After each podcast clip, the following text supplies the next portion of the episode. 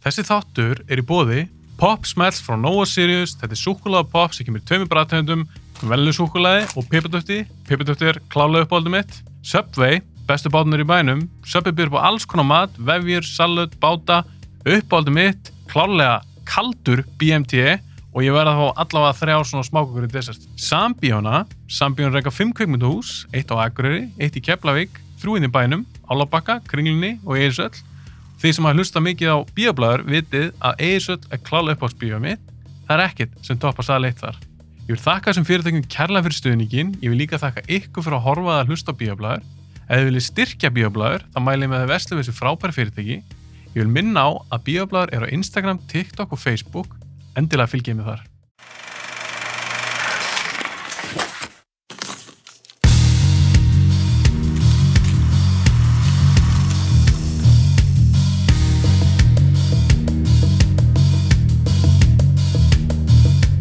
Þetta var bara svo spennandi því að maður gæti allir bara verið eitthvað, wow, ég get keift vél og ég get actually búið til eitthvað sem er alveg svona háklassa. Nú er það bara venjulegt, skilur við?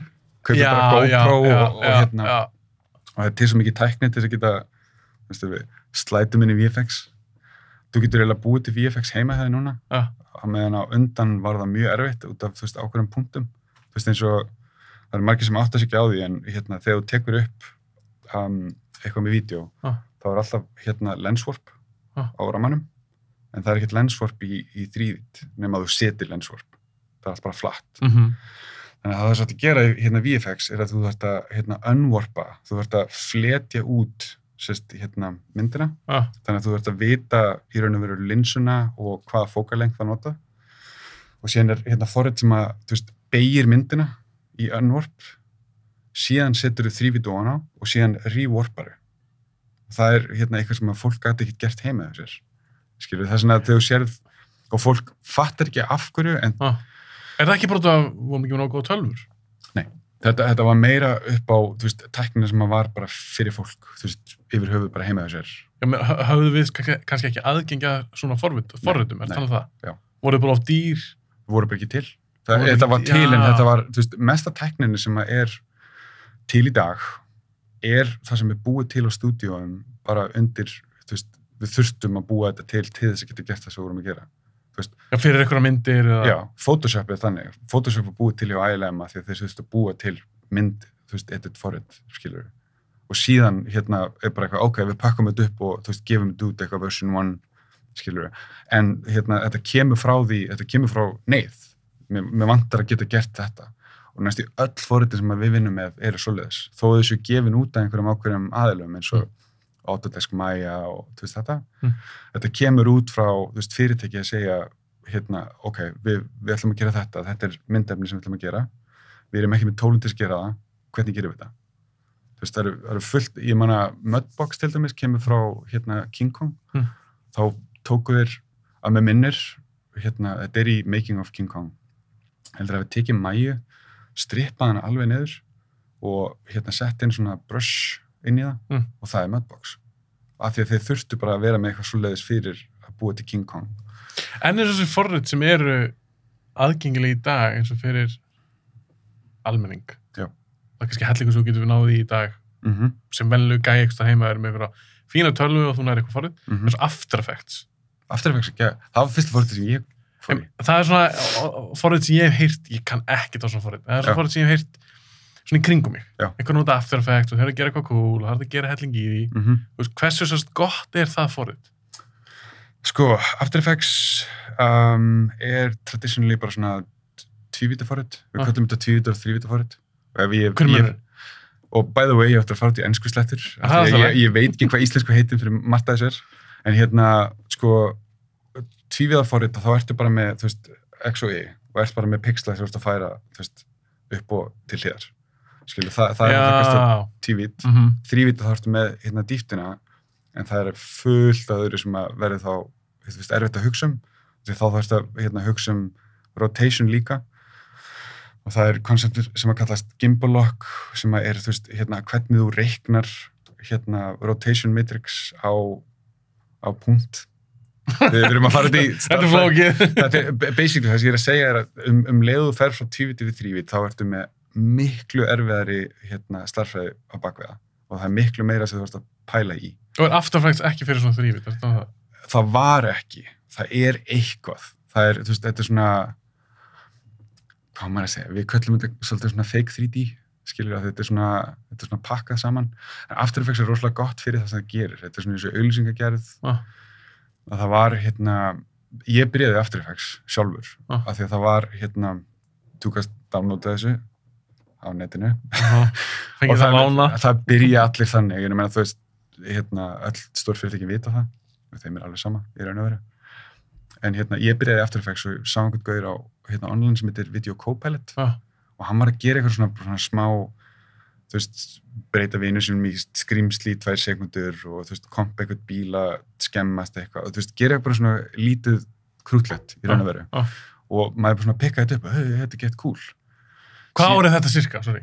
Þetta er 2007. 2007, ok. Já, Þannig að þú, 2007. þú ert svona að byrja þá að fykta í þessu. Já, ég var alltaf, ég, þú veist, nota Photoshop 1, skilur þegar það kom út. Ha. Maður er alltaf verið í kringum þetta. Ég var voðalega heppin persónlega því að frænka mín, hún er búin að vera við, hún vann við fyrstu tölvuna sem kom til Íslands, skilur Þannig að ég var í kringum tölvur. Ég var, að með minnir 1986, þá var ég á internetinu, Hvað árið þú fættur? uh, 79. Þú ert 79? búin? Já. Já, Já, 86. Já, Þannig að þú ert þá 7 ára. nákvæmlega. Ég er þá á internetinu að tala við fólk í bandaríkjum í hvað sem kallast killing. Þá var stöðu, þú veist, það var ekki einu sinni komið yrk, sko.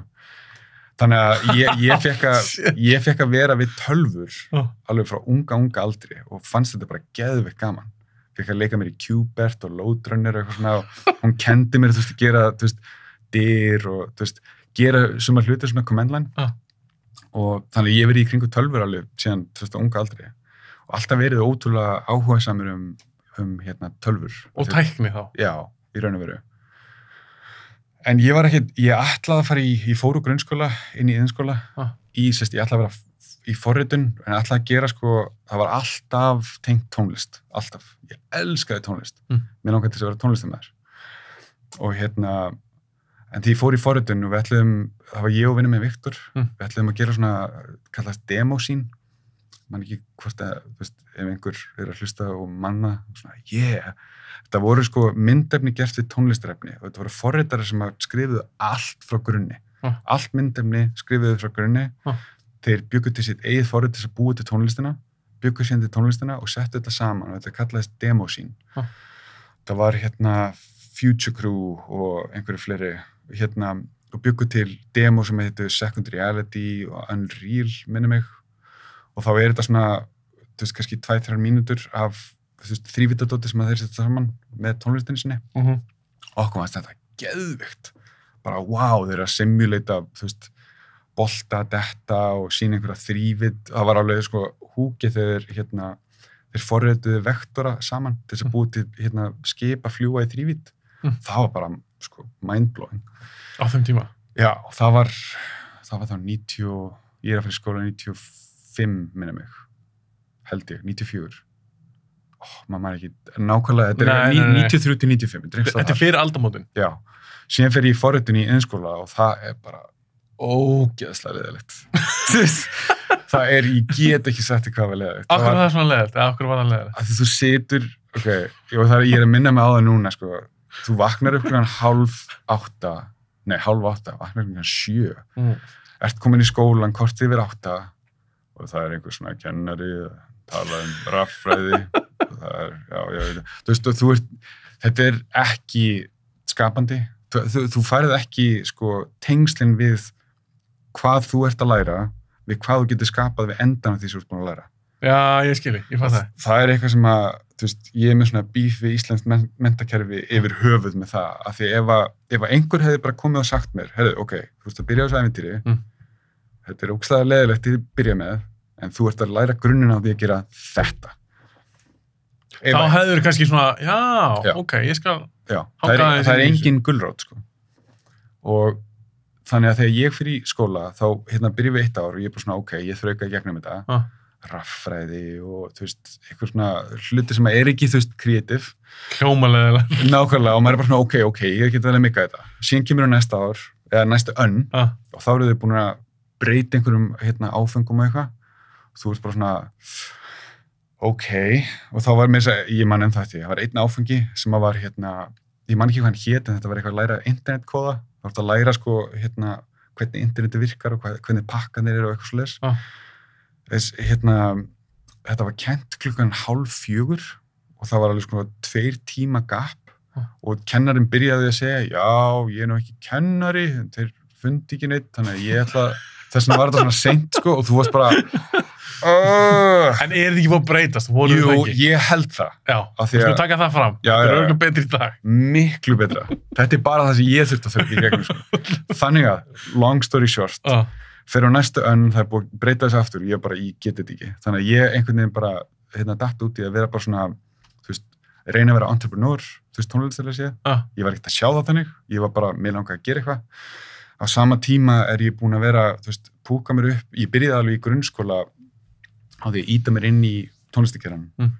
átján ára þá er ég komið með hérna, stjórna sjónvastátt á sín ekki á skrín heldur að veist, stjórna tónlistamindbundum að kaupa inn til stöð 2 sín og setja saman þátt fyrir sín uh. þú veist, 18 ára.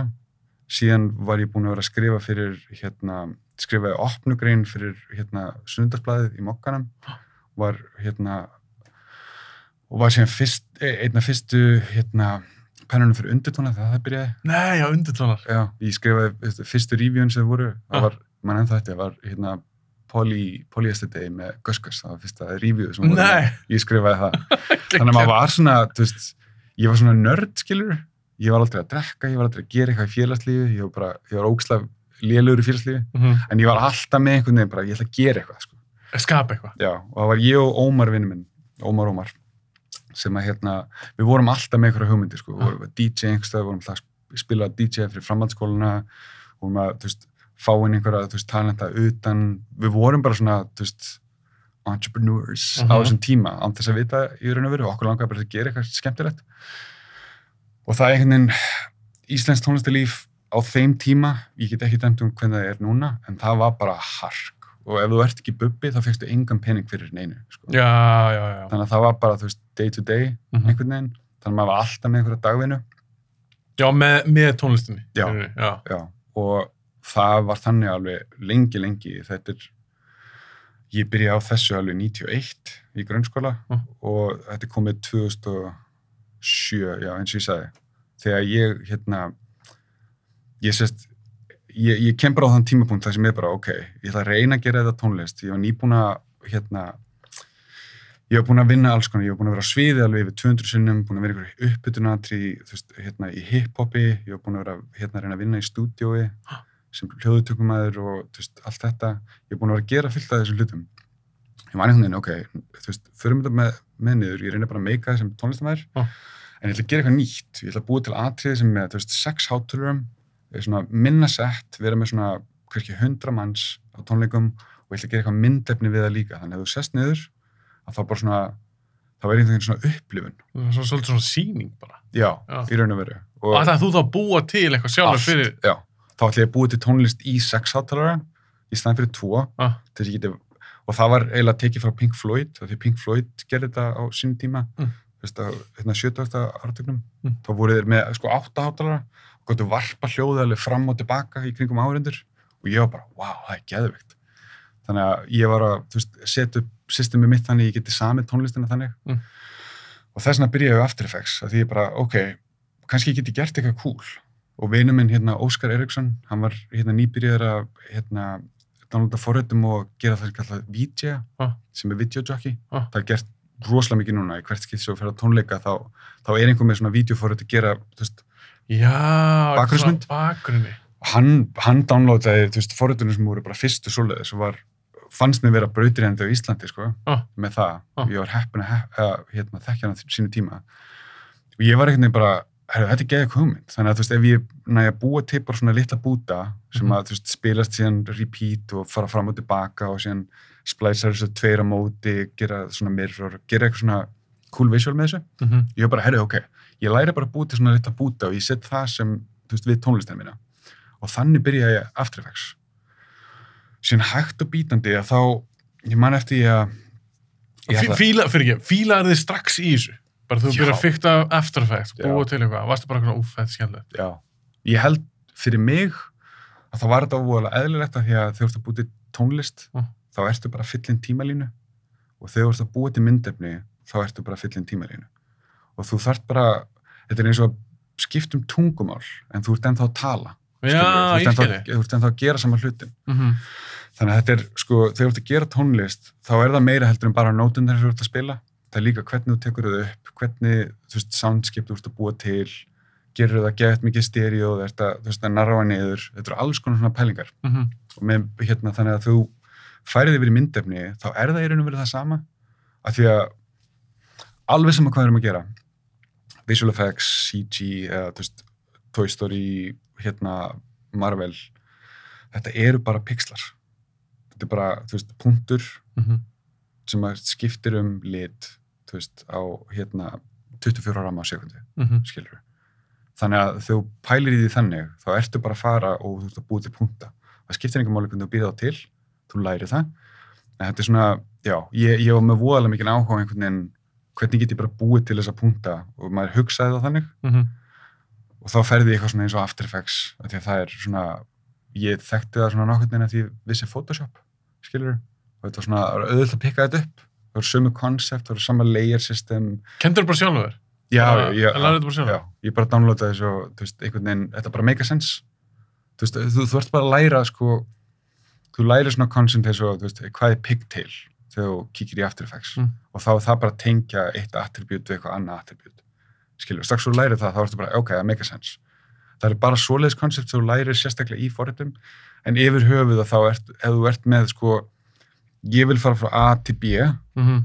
það, það verður að vera drifkrafturinn ef þú ert bara að opna forrit með enga hugmynd þá lærir ekki neitt sko. Mm þá ertu bara að grafla eitthvað en ef þú ert, hérna, mér langar að búti B eins og ég segi, ef þú ert með pixla í haustum að þér sem þú ert bara, þetta langar mig að gera -hmm. þá ertu svona, ok, hvernig fer ég þangað ok, ég, ok, gera þetta gera þetta, prófa þetta skilur, mér langar að búti hringing hérna, þá leita ég að hring þetta er svona, Þetta hljóma svona einfalt en samt einhvern veginn þetta flóki.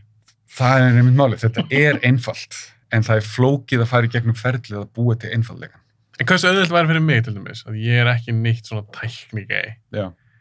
Ég er bara eitthvað, ég, ég hef aldrei opnað After Effects. ok En ég er bara eftir hún bara downloada því mm. og byrja og er bara gera eitthvað sjálfur. ég myndi ekki meðlega með After Effects ok, Já, ok. Þa, þá, hérna, ég skal, ég skal klára þessu sögu Ok, og skal fyrirgefðu. ég segja þér af hverju ok. Senst, hérna, ég, já, ég ætlaði að búa til myndefni við tónlist Já.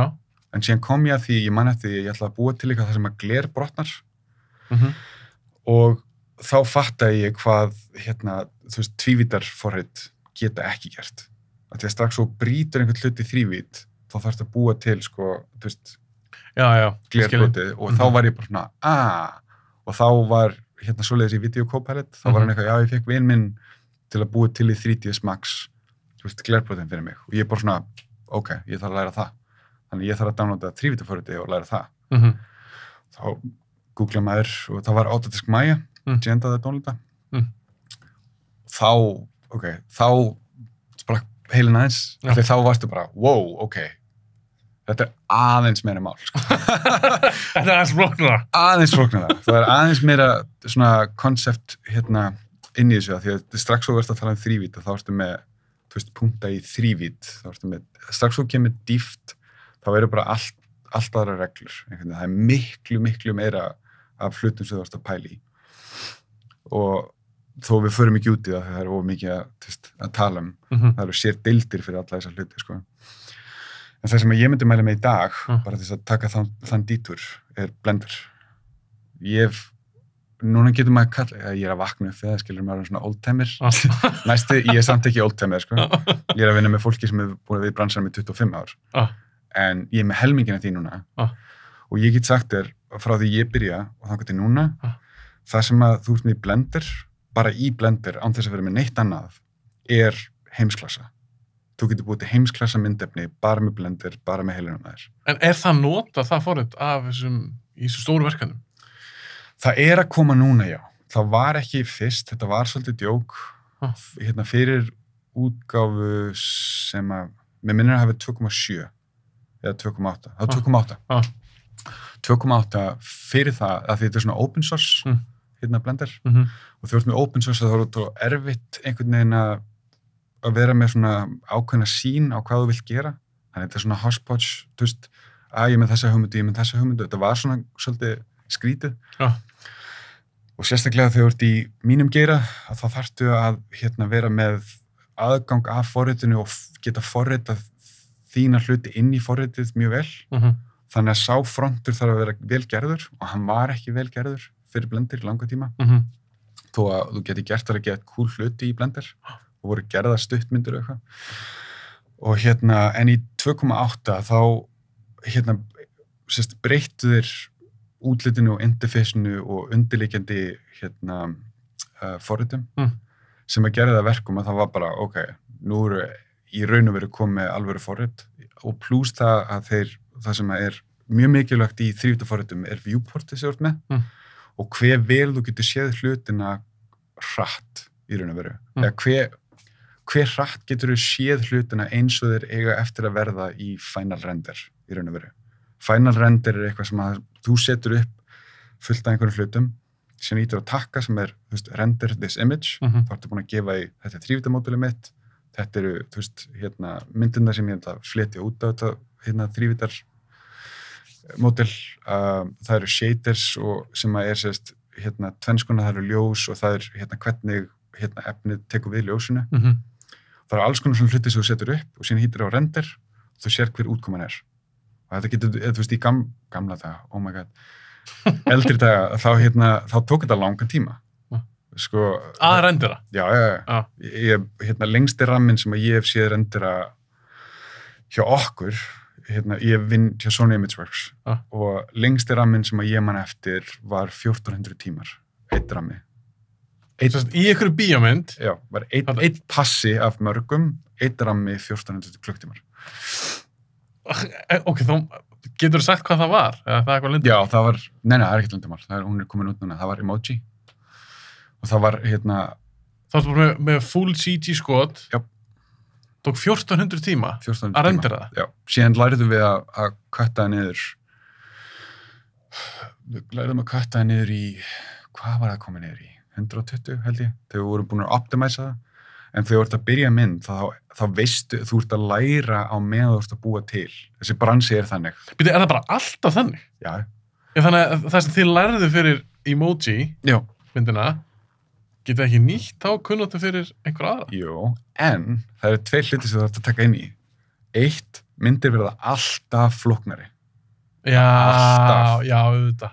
Þú veist, þegar leikstjóri sér eitthvað sem er búið að gera, þá segir hann ég ætla að gera betur. Og það er bara svona, Já, já, já, já.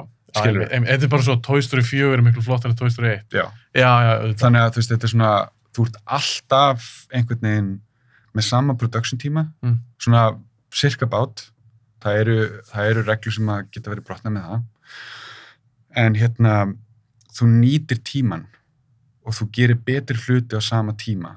Þetta er ekki eins og, ó, þetta er bara standardin og við bara minkum tíman alltaf.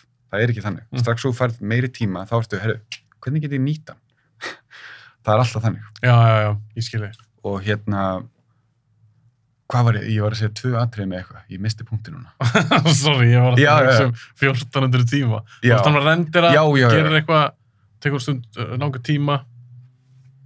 já. Ég held að sé, höldum bara áfram með þessum. Já, nákvæmlega. En mér langar að spyrja þú varst að tala um After Effects, svo Já. kynnistu, fattar bara að ég þarf að fara í, í, í sem sagt, 3D Já. dæmi, brjóta glerið Mm og svo að tengja hvernig þú fer frá því yfir í bara, þú ert fann að vinna á Sony Imageworks. Já, það er frekar fyndið, sko. Hérna, enn og aftur, hérna, við förum aftur í þann tíma, þá er ég alltaf bara búið til myndumni við tónlist. Mm. En ég er samt farin að hafa svolítið áhuga á bara, herru, alltaf gera húl hluti, sko. Eins og, eins og hérna, ástæðan fyrir mér náttúrulega að brjóta gler var að ég var að vinna við, hérna, að skiltagerina Artis á sínum tíma. Já. Og það er upp á annara hæðir eitthvað svona stórt op, af því að þú veist, stundu gerir maður hluti og þarf að senda það út um opið, stór skilti. Og ég, hérna, tók vídeomynda þessu opi, hérna, vídeomyndavél sem ég fekk lánað hjá vinni mínum Mm. og ætlaði síðan að búa til, ég hérna, svona krumpaði, hérna, papiskúlu og hendi í gegn og ég ætlaði síðan að sjá hvort ég geti búið til að ég var að brjóta gler. Já, já, þú getur búið til það er sérst glerið. Já. Mm -hmm. Ég setti mig bara svona markmið, herru, sjáum, þú veist, get ég gert þetta? ég var alltaf með einhvern veginn svona hugmynd að bara, ok, hvað get ég gert? Mhm. Og þá fætti ég, ég gata ekki. Þó að leiðandi ljósi var alltaf að búa til myndefni við tónlist. Mhm. Síðan því ég fatta, eftir ég er búin að downloada Maya og ég er búin að krabla upp, ég gerði eitthvað hús, mótil eitthvað hús og renderaði það, ég bjóð til eitthvað mótil af einhverju, þú veist, futuristic, hérna, motorcycle Ah. og hérna, gerði líka, hérna, ég gerði fyrir Artis, hérna, uh, þrýfiðarlíkan af uh, vínbúðinni á sínum tíma, Mm. áður en logo, þeir eru ennþá með sama logo núna, ég man Mm. eftir, ég gerði þrýfiðarmynd með alvöru lýsing og svo leiðis, sem að hjálpaði við, hérna, að þeir myndu fá verkefnið. Og mér fannst það Nei. geðveikt cool, sko, ég var Ah. alveg, heyrðu, ég gerði eitthvað þrývit sem að bara, og það var eitthvað svona, svona kickstart, ég, mér langar bara að læra þetta. Ah. Þannig ég fór bara online, hvað eru bestu skólar í heimi og fór bara niður listan. Fyrsta setið var Gobelin sem er í Fraklandi. Ah. Næstu allir sem koma úr þessum skóla eru bara mastermind. Þetta er svona fine arts skóli Ah. og þarna fóru eiginlega flestir úr þessum skóla fóru beint til Pixar eða beint til Dreamworks. Þetta voru bara svona Bara elitan. elita, alveg, sko, skólaverkefni sem komu út frá Gobelin voru á sama standard og Pixar á sinni tíma næstu. Það var bara svona, wow! og ég var bara, ég er ekki fine art student. Ég, ekki, ég var ekki svona búin með studentpróf. Ég var búin að, Já. þú veist, hætta í, í hérna, Er það ekki framhaldsskóla. bara séns fyrir að komast að þau? Nei, nei, nei, ég var búin að hætta í framhaldsskóla sexinum á þeim, þeim tíma. Ah, Var bara, í raun og veru, þú veist, í kerfinu var ég bara slugsi, skilur ah, Þannig ég var bara, ok, ég get það ekki. Númer tvö var eitthvað, ég man ekki hvað var númer tvö. Mm. En síðan númer þrjú var Vancouver Filmskúl. mhm. Og ég er bara svona, ó, ok. Ég, hérna, fjölskylduvinni sem að- hafði búið í Vancouver var búin að segja mér að Vancouver er ógustlega cool borg. Já. Ég er bara svona, ok, kíkjum að þetta. Googlaði og þá var bara svona, já, það eru inntökur hérna á, að við minnur að þykja manna fresti.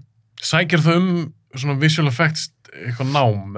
Já, ég, sest, ég sæki um þar og hérna fæ bara innblástur og bý til eitthvað fullt að dóti í After Effects bara á mjög skamum tíma, sendi til þeirra og sit sem bara nervis, fæ að koma inn, fæ að koma inn Ah. og þeir segja já. Þannig að ég tek hérna lán, hérna lín, var bara ok, við bara hendum ykkur skuldir og bara veðjum á það. Þú veist hvað ég að gera með lífið annað en bara, þú veist, fara eftir það sem er með eldum og með Nákvæmlega. og ég var bara með í haustum á mér sko, ok, cool, við gerum eitthvað geðveikt. Hérna, ég fætti Vancouver, byrja í Vancouver filmskúl og er með það í haustum á mér einhvern veginn, ég var með verkefni sem langaði að gera, sem að var eitthvað, einhver lappar upp á borði, tekur upp fjastinningu og síðan kemur svona hologram þrývitaleikur sem hann er að spila. Ah. Síðan leggur hann niður, slöknar á leiknum og lappar í burtu. Þetta var ég með svona, þetta er lokaverkefni sem að veri cool. Ah. Og þá, ef ég gerir það, þá er ég búin að læra að búti myndefni sem að getur verið töff. Ah. Síðan bara, þetta er geðvikt fyndið, Mm. hvernig þetta virkar. Strax þú kemst inn í hennar heim og þú verður að læra þessi mismunandi svona facet af geiranum, Mm. þá allt í hennu er þetta bara, wow, ok, þetta er geðvikt gaman. Eins og því ég byrjaði að animita, bara small. Ég var, ég var fljótastur að gera, þú veist, walk cycle í bekknum mínum og ég hafði aldrei animita áður. Hvað er eins og fyrir það sem kannski þekki, svo animata? Já. Þú veist, Hvað þýðir það nákvæmlega? Að animata þýðir að þú ert að setja hérna keyframes eða hérna likil, likla í raun og veru á hreyfingu á hlutum. Eins og, þú veist, segjum þessi bolli sé þrývita hlutur. Ah, Ef ég vil að hann hreyfist frá hingað og hingað, að þá í fyrsta lagi þarf ég að ákveða, ok, hver langan tíma ætla ég að láta gerast. hversu hratt í rauninni? Já, í raun og veru, ætla ég að hafa þetta eðlilegt og þá, ég, það sem ég myndi venjulega gera er að setja bara upp videokameru, taka mynda með verið að gera þetta og síðan bara reikna út hver marga ramma gerði þetta. Ok, Síðan myndi ég endur gera þetta sem ramma. Þá, þú veist, setja ég ramma hérna, ég setja ramma hérna og síðan finn ég út hver marga ramma á milli ég þarf að skilgreina til þess að hreyfingin sé eins og ég vil hafa hana. mm Það er að animita. er það svipað eins og í, fyrir Jurassic Park? Mm.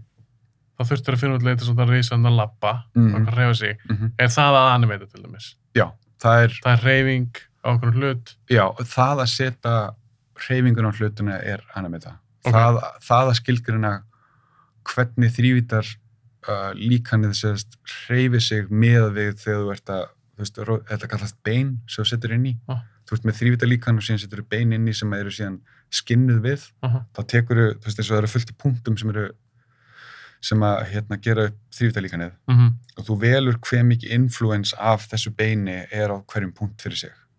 þannig að ef ég hreyfi þetta bein, ég rotate því Mhm.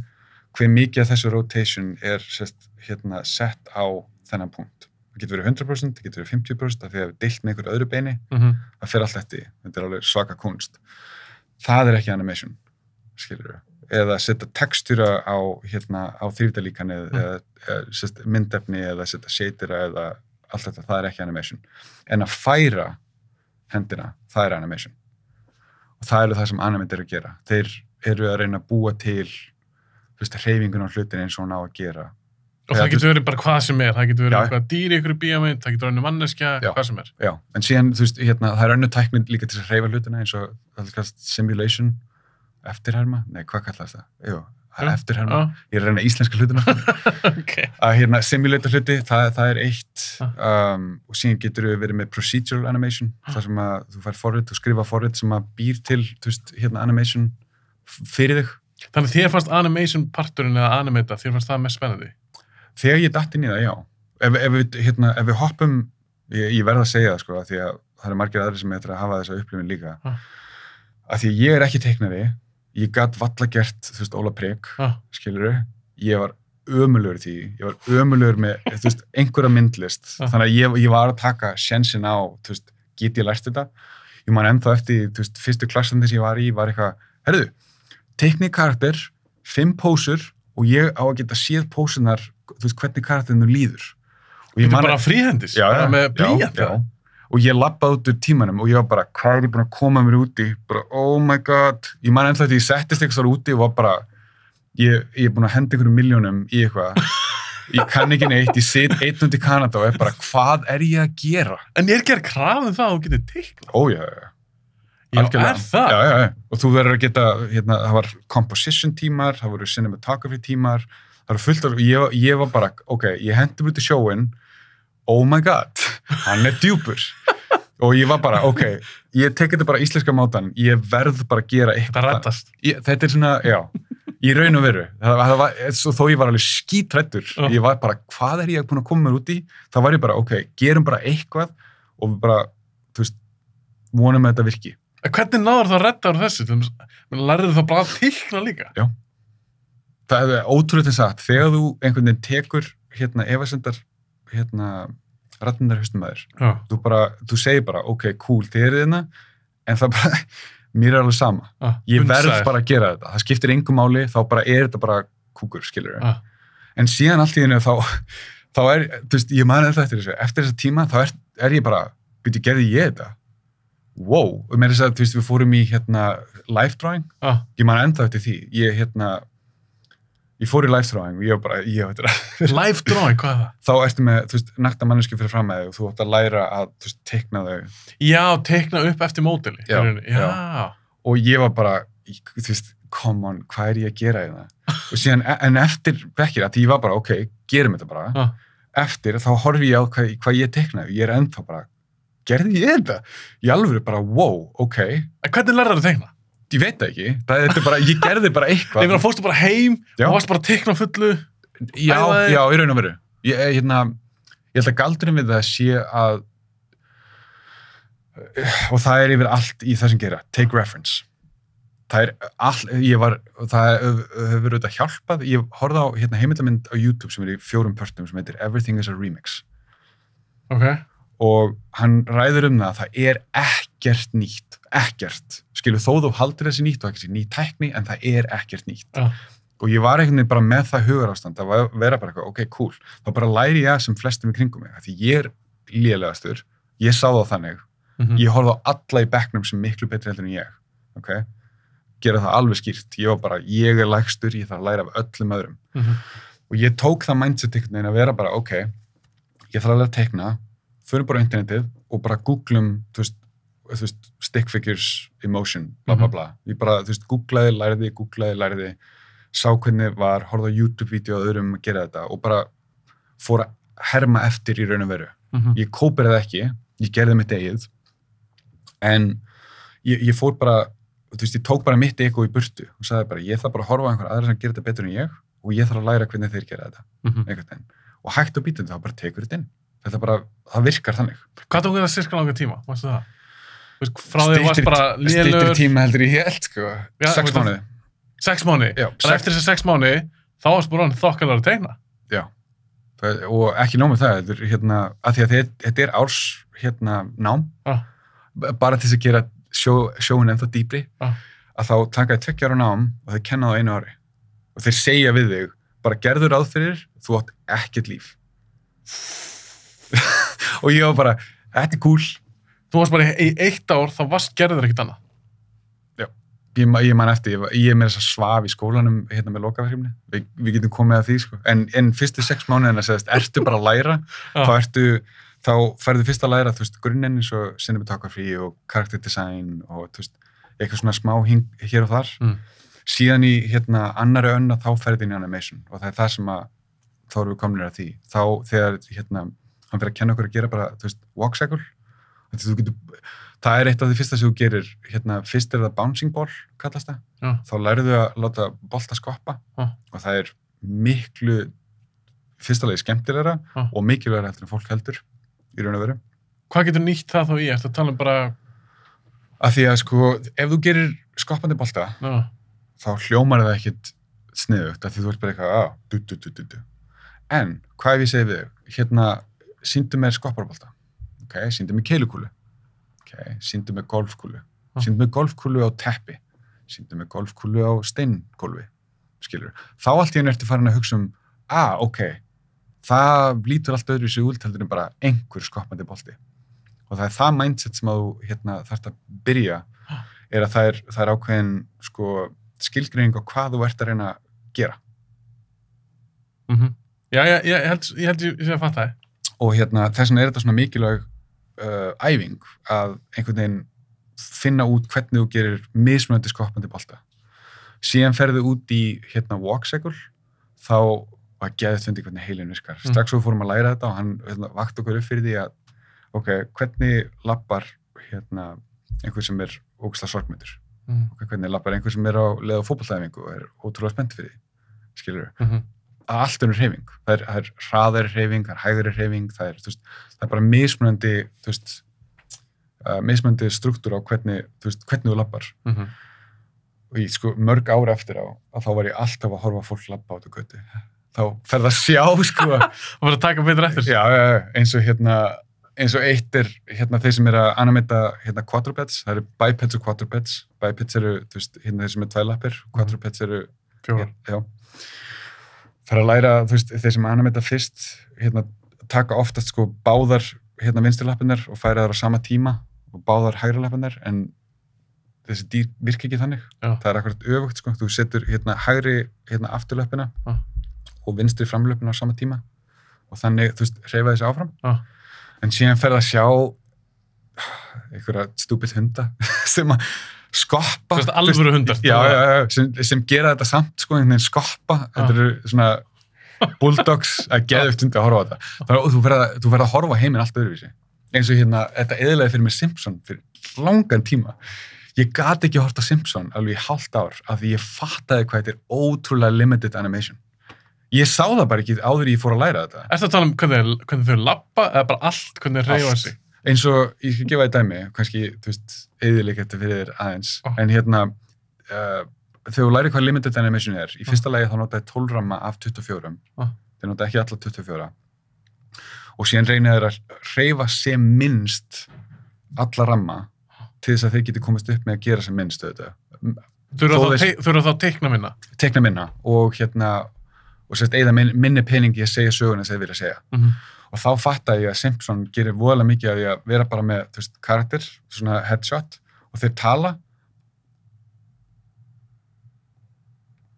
Þeir gera bara þetta. Já, bara svona einhvern veginn upp og niður. já, svona. bara, þú veist, halla og koma aftur halla og koma aftur. Ég var bara, nei. Oh, og svona hluti sem þú bara pikkar upp að því að þú þú ert byrjar að þú þjálfa augun. já, þú ert byrjar að þjálfa augun. Þú ert líka búin að, þú ert búin að læra triksin á baki tjöldin. Já, Og þá sérðu bara, oh en það eru samt ekki triksin sko. ég held að það sem að ég held að fólk sem er ekki búið að fara í gegnum þetta Ah. heldur að þetta sé að fara inn í skóla og læra triks Mm.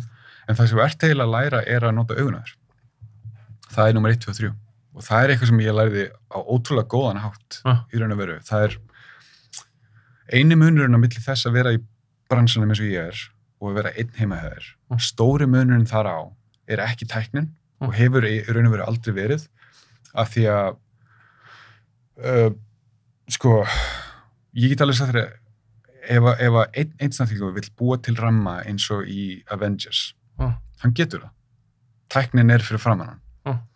það sem að munurinn er á er að hann getur ekki séð alla hlutir sem að þurfa að koma saman til þess að það verði eins af því ef að hann horfir á ramma af Avengers Mm. og hann horfir á ramma hjá sér án þess að vera bara að gera pixel fyrir pixel Ó. þá eru bara, þú, þú fattar ekki svona hluti. Og það er alltaf þannig. Og ég er búin að vera lengi í bransanum og, og maður veit það bara samt. Þess vegna er þetta svona hópstarf.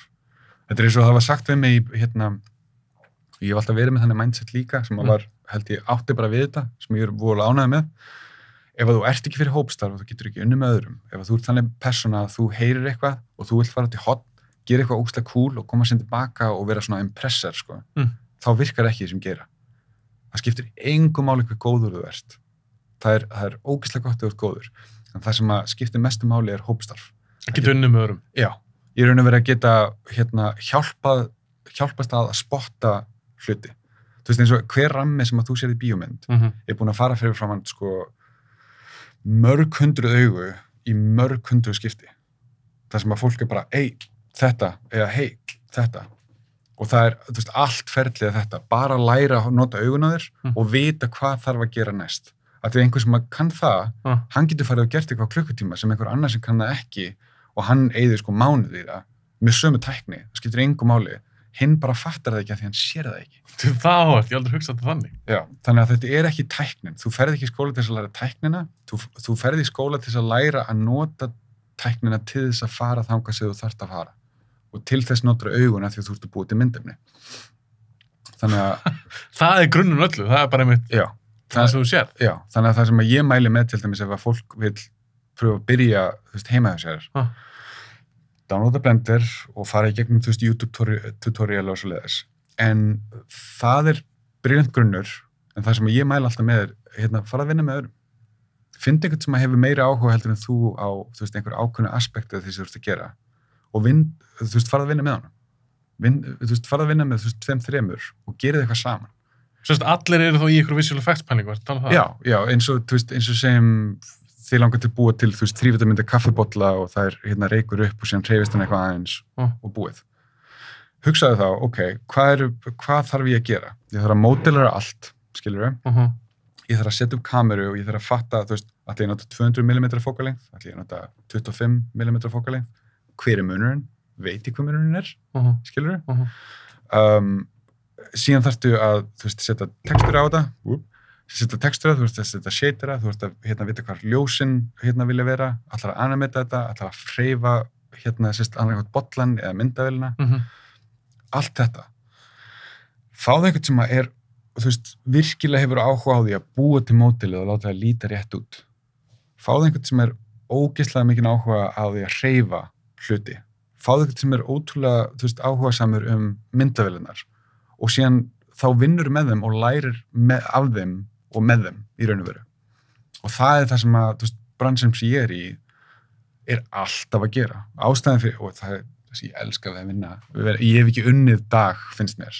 Það finnst það skemmtilega. Já, af því ég er ennþá, ég var að minna mig á það í gerkvöldi, ég Mm. minna mig á það, ég, gerð, ég ákvaða að gera það, að minna mig á það, að, þú veist, annarslægið, að bara fatta hvar ég er og hvað ég er að gera, af því ég er að sitja og fundi í gær og ég er bara eitthvað, ok, pæla maður í hvað ég er að tala um, þú veist, ég er að vinna við þetta, það er geggja á það. og, og ég er að sitja með fólki, þú veist, allstaðanar á heiminum, þú veist, 20 manns á fundi að tala um eitthvað nákvæðin hlut, sem ég getur ekki sagt hvað er, Nei, en, nei, nei. en það er einhvern veginn bara svona wow, Eitthvað spennandi verkefni Já. og þú ert bara að tala um það og bara eitthvað, shit, þetta er er, geggja. og það er allir bara svona mem og erðu, ok, hvernig er alltaf að gera þetta og þú veist, skilur þú veist, þetta, þetta er svona, og þú færð það er það sem að, þú veist, þessi bransi gengur út á.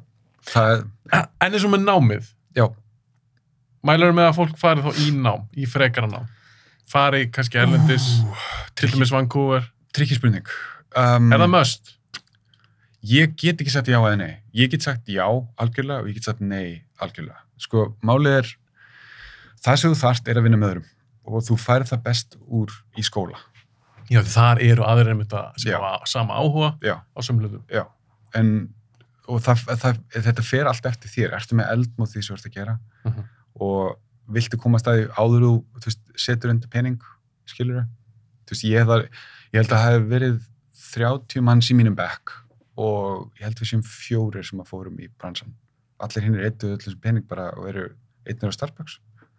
Skilur þau? Já, þú meina það, það, það, það fara ekkert allir lengra, Nei. endilega. Nei, nei, nei, vegna er ég að segja, þetta, er ekki það sem að þú, þetta er ekki eins og, þú veist, farir inn í skóla, opnar á kúpuna, einhver skóplar tek, teknin í heilina þér, lokar og síðan ferður bara, þú veist, að vinna. Þetta er ekki þannig. En var þá, fannstu þá, var munu þá kannski eins og fólki sem komst lengra eða fór lengra Já. og hinn sem fór ekki lengra, bara upp á ástriðu? Já, og það er, ég get bent á sjálfa mig með það, af því að eins og ég segi við þig, þegar ég byrjaði í mér, Mm. ég var, ég hafði minnsta reynslu, ég kunni ekkert myndefni, ég var lélegastur. Mm. Ég útskri, útskrifast með heiðri, með hæstu einhverjum í bekknum. Og hvernig útskýr það? Af hverju? ástriða. Ég, það er eina ástæðan fyrir ég, hérna, veist, og tökum mig sem persónuleika, þetta er ekki, hérna, ekoð sem er að tala, heldur Mm. er þetta, ég þurfti að horfa aftur tilbaka, því ég man eftir mér bara skítrættum að, þú veist, shit, ég þarf að teikna eitthvað sem ég kann ekki, Já. upp í það að standa síðan, hérna, á sviði, þú veist, með honors og vera bara eitthvað, ok, ég dugsaði bekkin, bara, what? þú veist, enn og aftur er ég bara, þú veist, ok, ég er að vakna upp við að, þú veist, ok, þetta er það sem ástriða og ég held að Íslendingar hafi þetta undir einhvern veginn, ég, ég séð Íslendinga gera rosalega vel úti Ah. bara út af við erum með þetta attitude, æ, maður getur þetta alveg sko, einhvern veginn. Já, já, ég skilja, ég skilja. skilur þannig að ég, ég útskýri einhvern partaði þannig, en síðan hérna, ákveðin part líka, það var bara það voru aðra hlutir í lífinu mínu sem að voru að kynda undir. Skilur, ég, ég skal bara minnast á það Ah. að það kannski, þú veist, er ákveðin punktu líka. Daginn sem að ég byrjaði í skóla morgunin fæ ég símtalum að pappi dáin Shit, sem að var alveg super heavy sko. Ah. þú getur ímyndar að lappin í skólan fyrsta dag með allt þetta undir og eins og ég er búin að lýsa þessu fyrir þér Ah. og er bara ok, bara lífið er allt öðruvísi og ég held að það hafi öruglega verið líka kveikja skilur að þú veist Íttað undir einhvern veginn bara, já, ég er með, ég er með sest, hérna svona saying sem að er hérna, emotions are energy in motion þetta er tekið frá öðrum en Mm. ég hef alltaf tekið þetta bara og þú veist, haldið þessu inni það er að þegar þú finnur sterkar tilfinningar Mm. ákvöldu bara hvað vill ég setja það út í. Og það er eiginlega það sem ég gerði með þetta. Ég var bara, ok, setjum allt, alla mína orku í þetta. Skólan. og það, það er það sem að ég held að kallist ástriða, það er bara þegar þú, veist, tekur alla orku sem þú hefur og setur í. Það er góð bók hérna sem ég lasi að því ég, ég er vola áhuga samur um veist, hvernig ég fór í gegnum þetta. Ah. það er bók sem heitir Talent is Overrated og því ég las hana þá bara svona, ok, þetta make a sense Ah. það, það, það er þannig að ef að þú eyðir tíma í einhverju það, það skiptir einhver máli hvort sem er talent í einhverju talent og einhver sem er ekki með talent að hérna, eftir ákveðna klukkutíma í viðfangsefninu Ah. þá bara eru þeir á sama stað það fer bara eftir hver miklum tíma þú eyðir ástriði í raun og veru Mm -hmm. því ástriða er að eyða tíma þú veist svona með intensity En Skilur. ástriða er mikilvægan hæfileikar. ég held að Já, nei, ég, ég er sammálaður, sko. þú veist, nema þú sért að tala um þú veist, ef þú ætlar að fara í NBA en þú ert með eina löpp og þá, þú veist, Já, já, já, já ég skil hvað. skilur, skilur, það, það er ekki þessar hömlur en, Mm. en með eitthvað eins og þetta, það sem þetta er hugvit þú veist, og það sem að eru, þú ert nær tækifærinu Mhm. já, algjörlega, þá, þá er ástriða miklu meira ég til dæmis, ég er búin að þurfa að ráða fullt af fólki til mín Mm. í gegnum tíðina hérna, það sem að ég leita eftir er ástriða að það er miklu auðvöldara fyrir mig að Mm. taka inn þig sem ástriðufullan og benda þig bara á að kenna þér að þú ert alveg tilbúin til að hlusta á það sem ég var að segja og þú ert tilbúin að eigða tíma í að læra það sem maður þarf að læra En það er að kenna ástriðu. nákvæmlega, þú tekur ekki inn einhvern sem er, Er það hægt? Bara yfir höfuð. að, Kenna ástriðu. nei, ég held ekki ég, ég held að þetta er það ekki bara að læra það fóreldri Nei, menn að ég hef Ég pælt í þessu, sko, ást, að því mest ástriða er svo smitandi. Já. Ef ég hitti fólk sem er að tala um eitthvað þó ég hef ekki svona áhuga á því. Já. En manneskinn hefur svo mikla ástriðu fyrir þessu, þessu efni Mhm. eða e- þessum hlut. Ég verð bara svona, ég sekk bara inn. Já.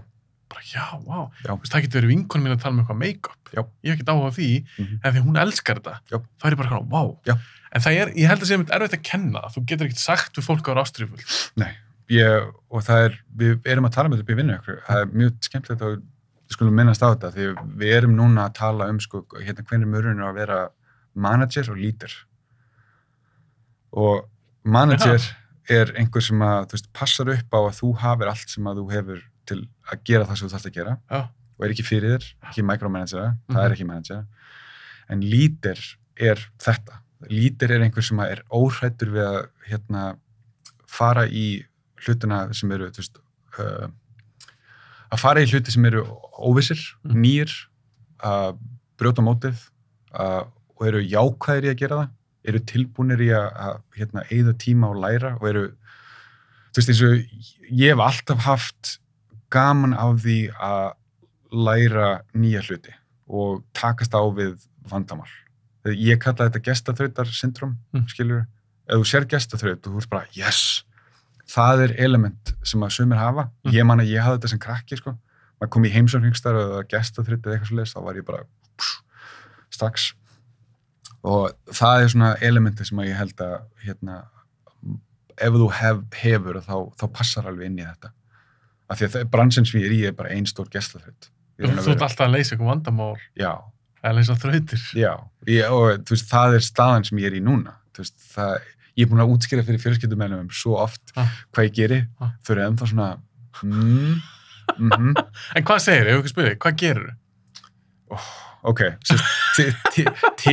titillin núna er Já. Senior Software Developer í Frontend Pipeline. og ég veit ekkert hvað það er, Nákvæmlega, og það er allir bara eitthvað, já, já, af því að þeir, það, það þekki allir bara animata, skilur, þannig að fyrir, þú veist, krakkan í fjölskyldinni hjá mér, þá segir fólk bara, já, hann er að gera svona animation, tölubrellur, en, en í raun og veru að þá er, sko, ef ég, ég brýti þetta niður, ég er forritari, á, þannig ég skrifa textafæla sem vinnu, á, lol, en hérna, það er aðeins meira en það, á, en sko, pipeline er eitthvað sem er alveg svona það er ógislega skrítið koncept fyrir fólki. Pipeline er koncept sem var hérna eh, startað af Xerox á síðan tíma, já, þú veist, 80. áratugnum. Á, 8. áratugnum að hérna, það er þegar þú tekur vinnuferli frá A til, þú veist, Z Mm. og þú ferði gegnum stöðvar og það er sérst, hérna, vinnuferli þar á milli að, að búa til pipeline er að búa til, hérna, auðvelda vinnuferlið skilur, þá var þetta skrifstofu það sem voru með fullt af pappir Mhm. og þá þarftu þú veist, að prenta, afrita skrá og allt þetta mm Mhm. -hmm. þú voru þrývi, þrýrit og alls konar og þá ferðu sko, hvað er vinnuferlið frá því að fara þangað, þangað til það er búið og hvernig getum við auðvelda það? Og það er það sem að Xerox var að gera á sín tíma. Mm. þú veist, þess vegna ertu með þess að húki prentarar og, og skanna sem gera allt og... en sjálfur sér svo við förum aftur yfir í forrit.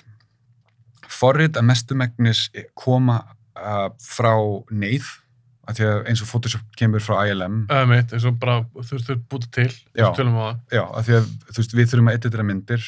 Ok, við erum ekki með svoleiðis á markanum búum það bara til.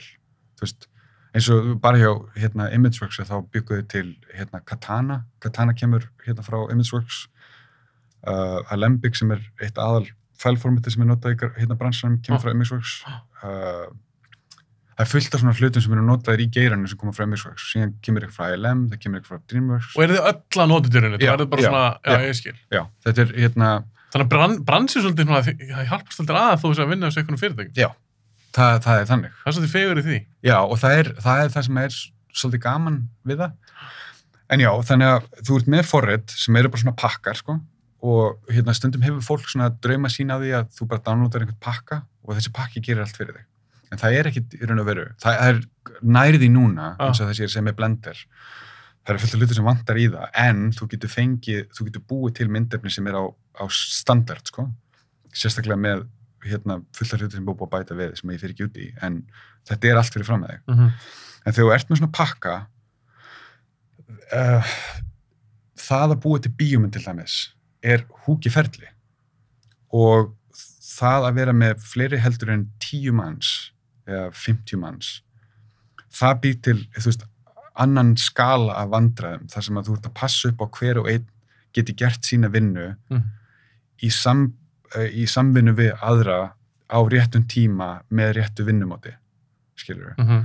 og þannig að uh, hérna forriti sjálft, forriti pakkin segjum til dæmis Maya Autodesk Mhm. eða Maya, Autodesk Maya ætla Mhm. að segja, það er pakki og ef að þú ert mótiler og ég er texture artist að þá þegar þú hérna vinnur þína vinnu, þú mótiler í Maya þú þarft síðan að að publisa eða koma út mótilinu svo ég geti teiknað það sama hvort að ég sé að teikna það Ertu þá að tegna að felda á eitthvað dýr eða húð? Se, segjum að ég sé að teikna, þú veist, hérna, þú ert að búið til sebrahest Ah. og ég ætla að búið til, svart og hvít tekstur á það, ah. skilur þetta eru tvö mismundi vinnuferli Þetta er tvæði deildir. já, Í þetta eru tvær dildir þannig að þar en á milli þurfum við að, hérna, við þurfum að skiptast á gögnum ef þú ert í 50 manna fyrirtæki þá getur þú komist upp með að vera bara eitthvað file save, herru, hérna, ég seifa þetta þarna, já, ok, ég pikka það upp og ég ger eitthvað Ah. þú veist, og ef þú ert á, þú veist, auðlýksastofu er alveg,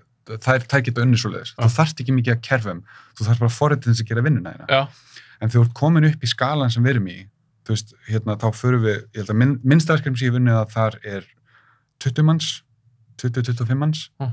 og stærsta verkefni sem ég vunnið þar var, það hef ekki verið svona 600 manns. en hvað eru margir að vinna hjá i- Sony Imageworks? Uh, Það er eitthvað reysa batteri. Já, já, þegar við erum stærstir að þá förum við upp í 1200 manns held ég. Og er þá inn í því einhverju verktakar eða eitthvað slíkt?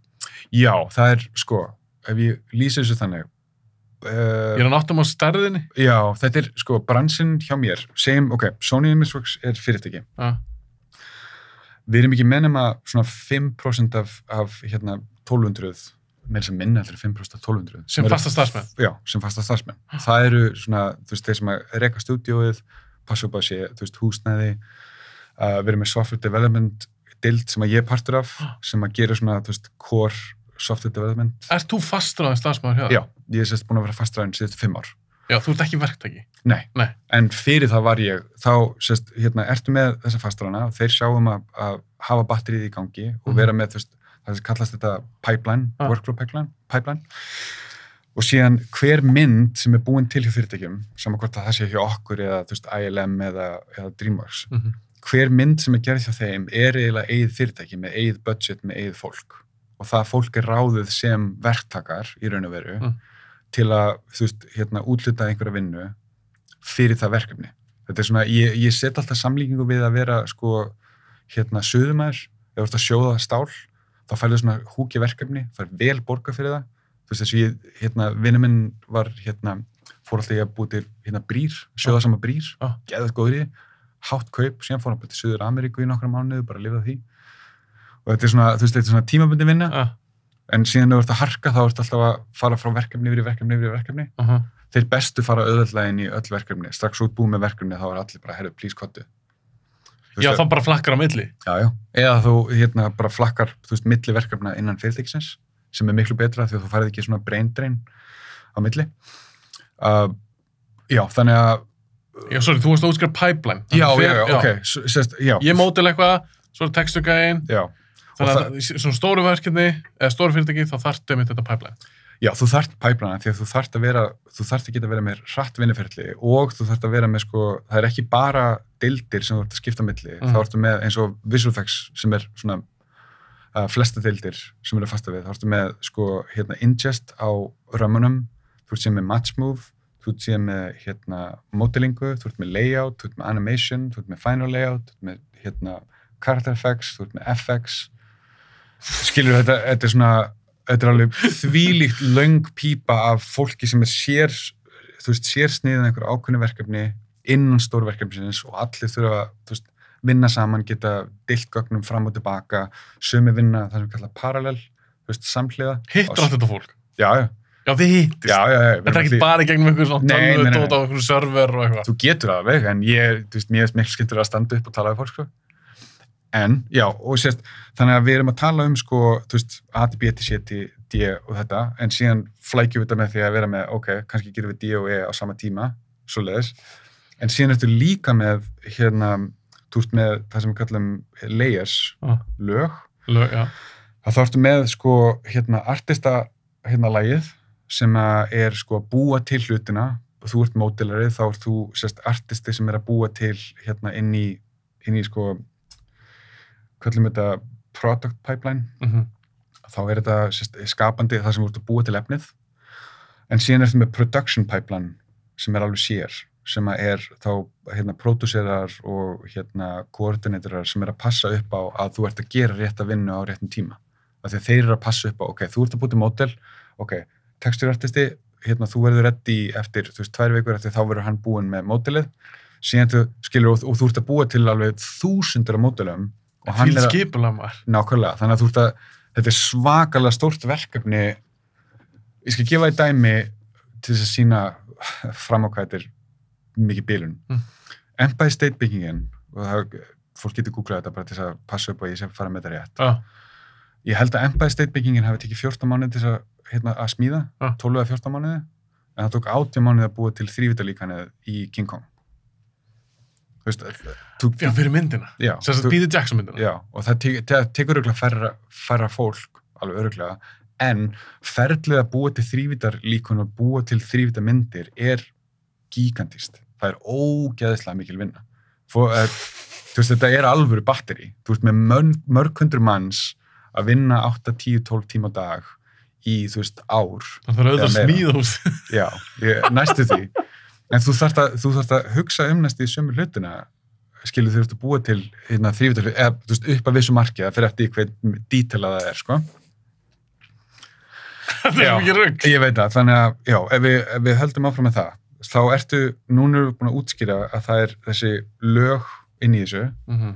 og það er ferli frá, þú veist, það sem við köllum ingest yfir í output og þá ertu með, venjulega ertu með hérna, input fyrir mynd eins og Toy Story er storyboard þá er einhver búin að, það er einhver búin að skrifa söguna og síðan tekur einhver söguna og, og teiknar myndir, veist, bara nokkra ramma til að útskýra hvernig það myndir líta út í mynd. Mhm. Bara hvernig skotið er og... Já, Já. og segja, veist, ok, þetta skot, þá erum við með þessa kameru, það er, veist, medium shot kannski og hann er að segja þetta síðan snýr sem við, þá fyrir við þetta kött, þá er nýtt skot. Það er kallast, hérna, storyboarding. Mhm.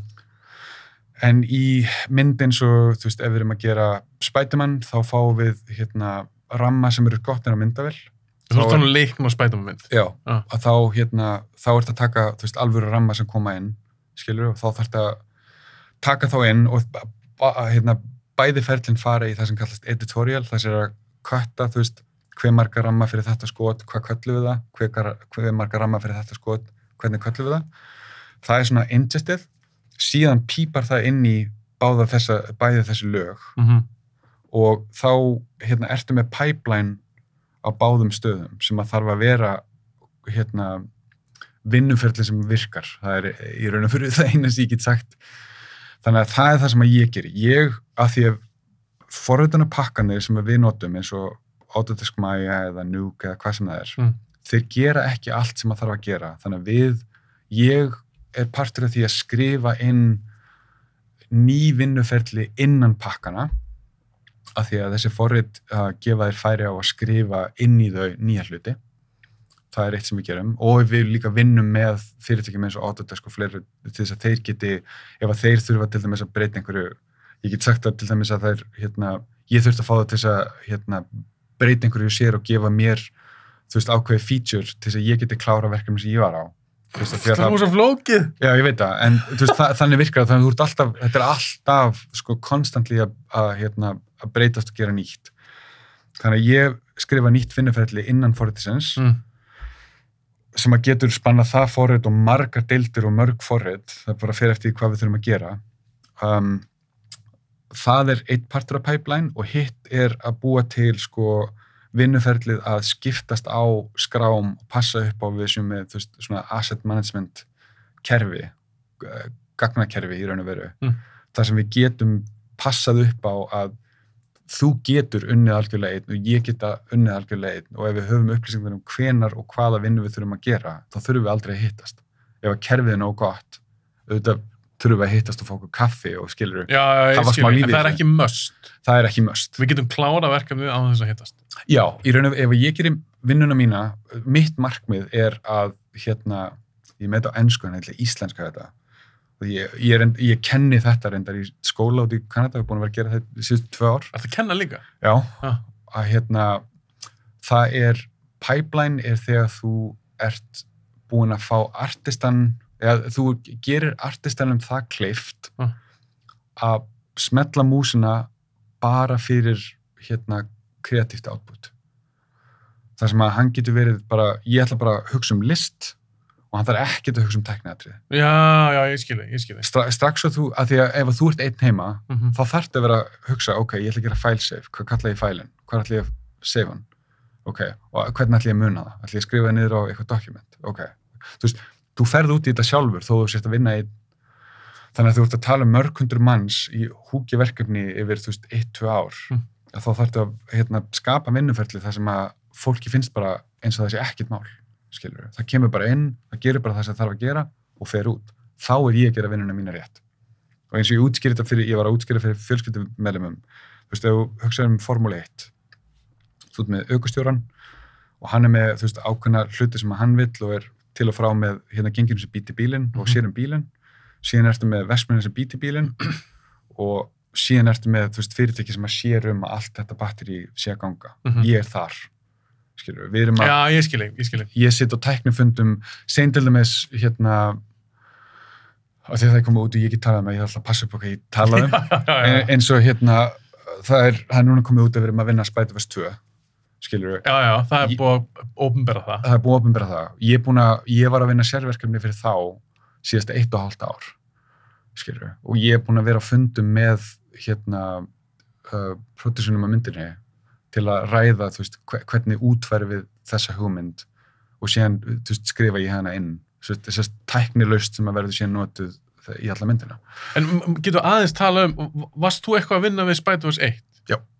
Ok, eins og með þá mynd, mm -hmm. aðeins rætt hana því hún er alltaf komin út og Já, allir um sjá hana. Mm -hmm. Frábær mynd, frábær mynd. Og ég við sjaldan orðið eins hissa bara, djú þetta er ógislega góð mynd.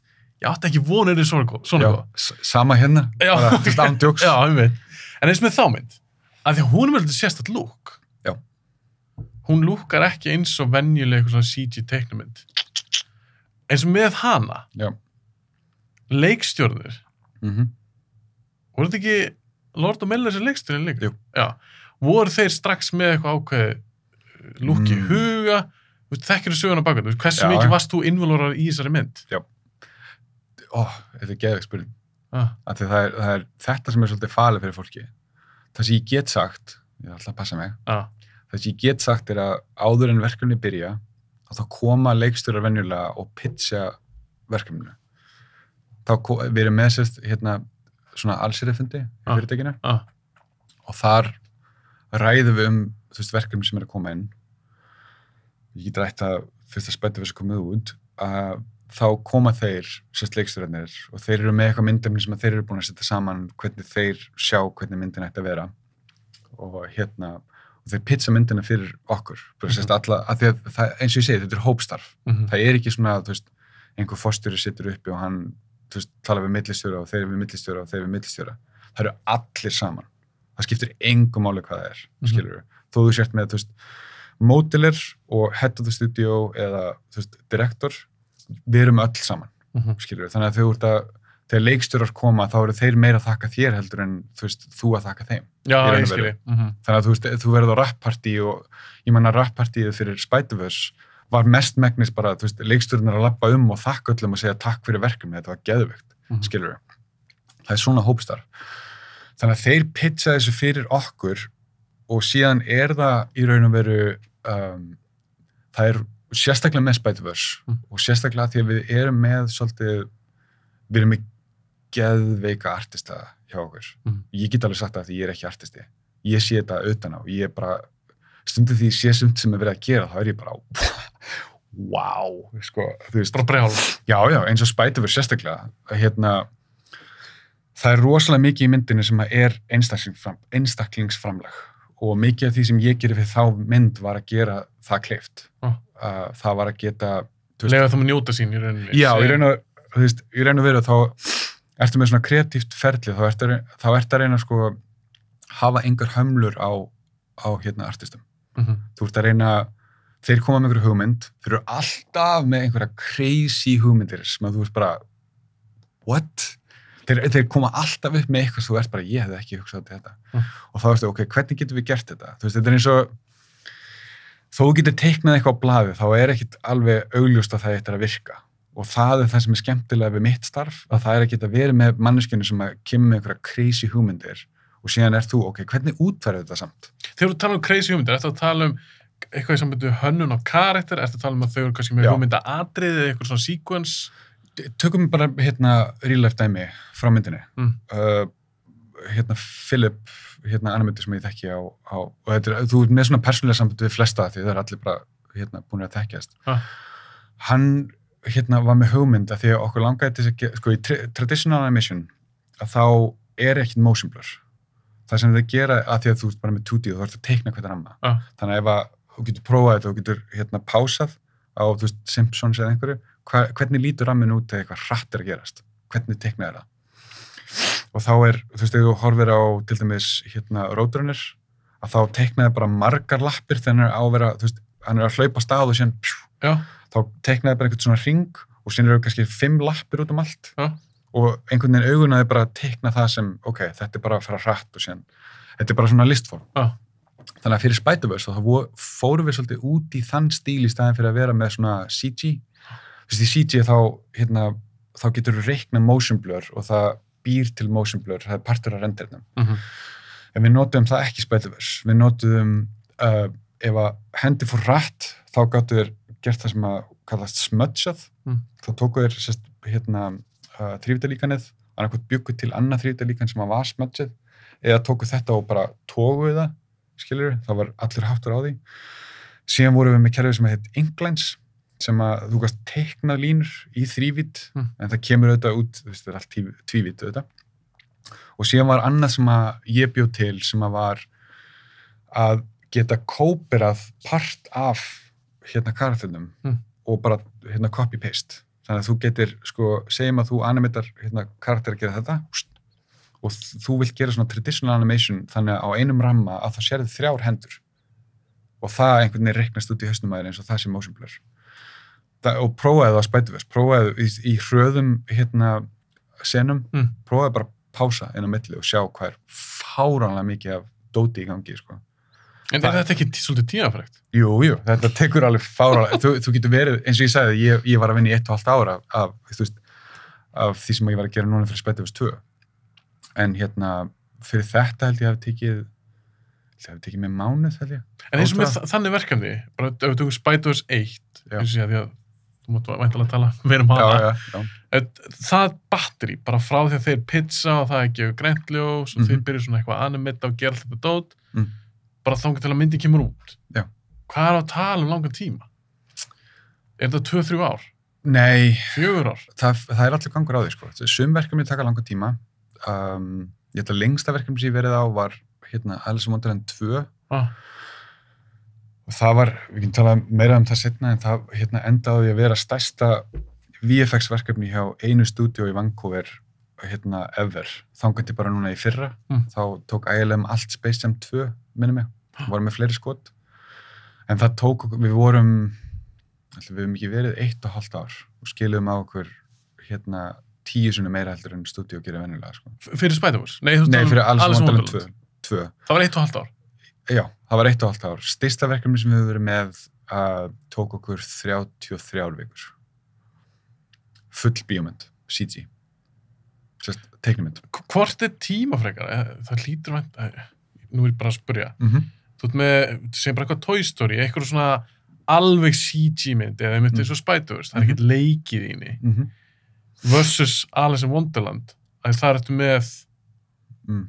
leikara, það er eitthvað tekið upp, Mm þú veist að tala um þá myndið, ekki já. Johnny Depp. Já. Og það er eitthvað tekið upp, og svo Mhm. fáið þið væntalega það myndin og þið þurfa eitthvað að vinna með það. -hmm. Hvort er tímafrekara? Er ekki tímafrekara að teikna allt? mm, sko, geðveik spurning. Mjög góð spurning. Það er allir gangur á því. Það fyrir eftir hvað þú ert að gera.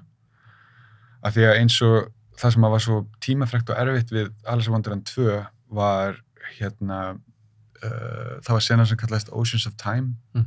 og þá var þegar þau, ég veit ekki hvort þau sé myndina það.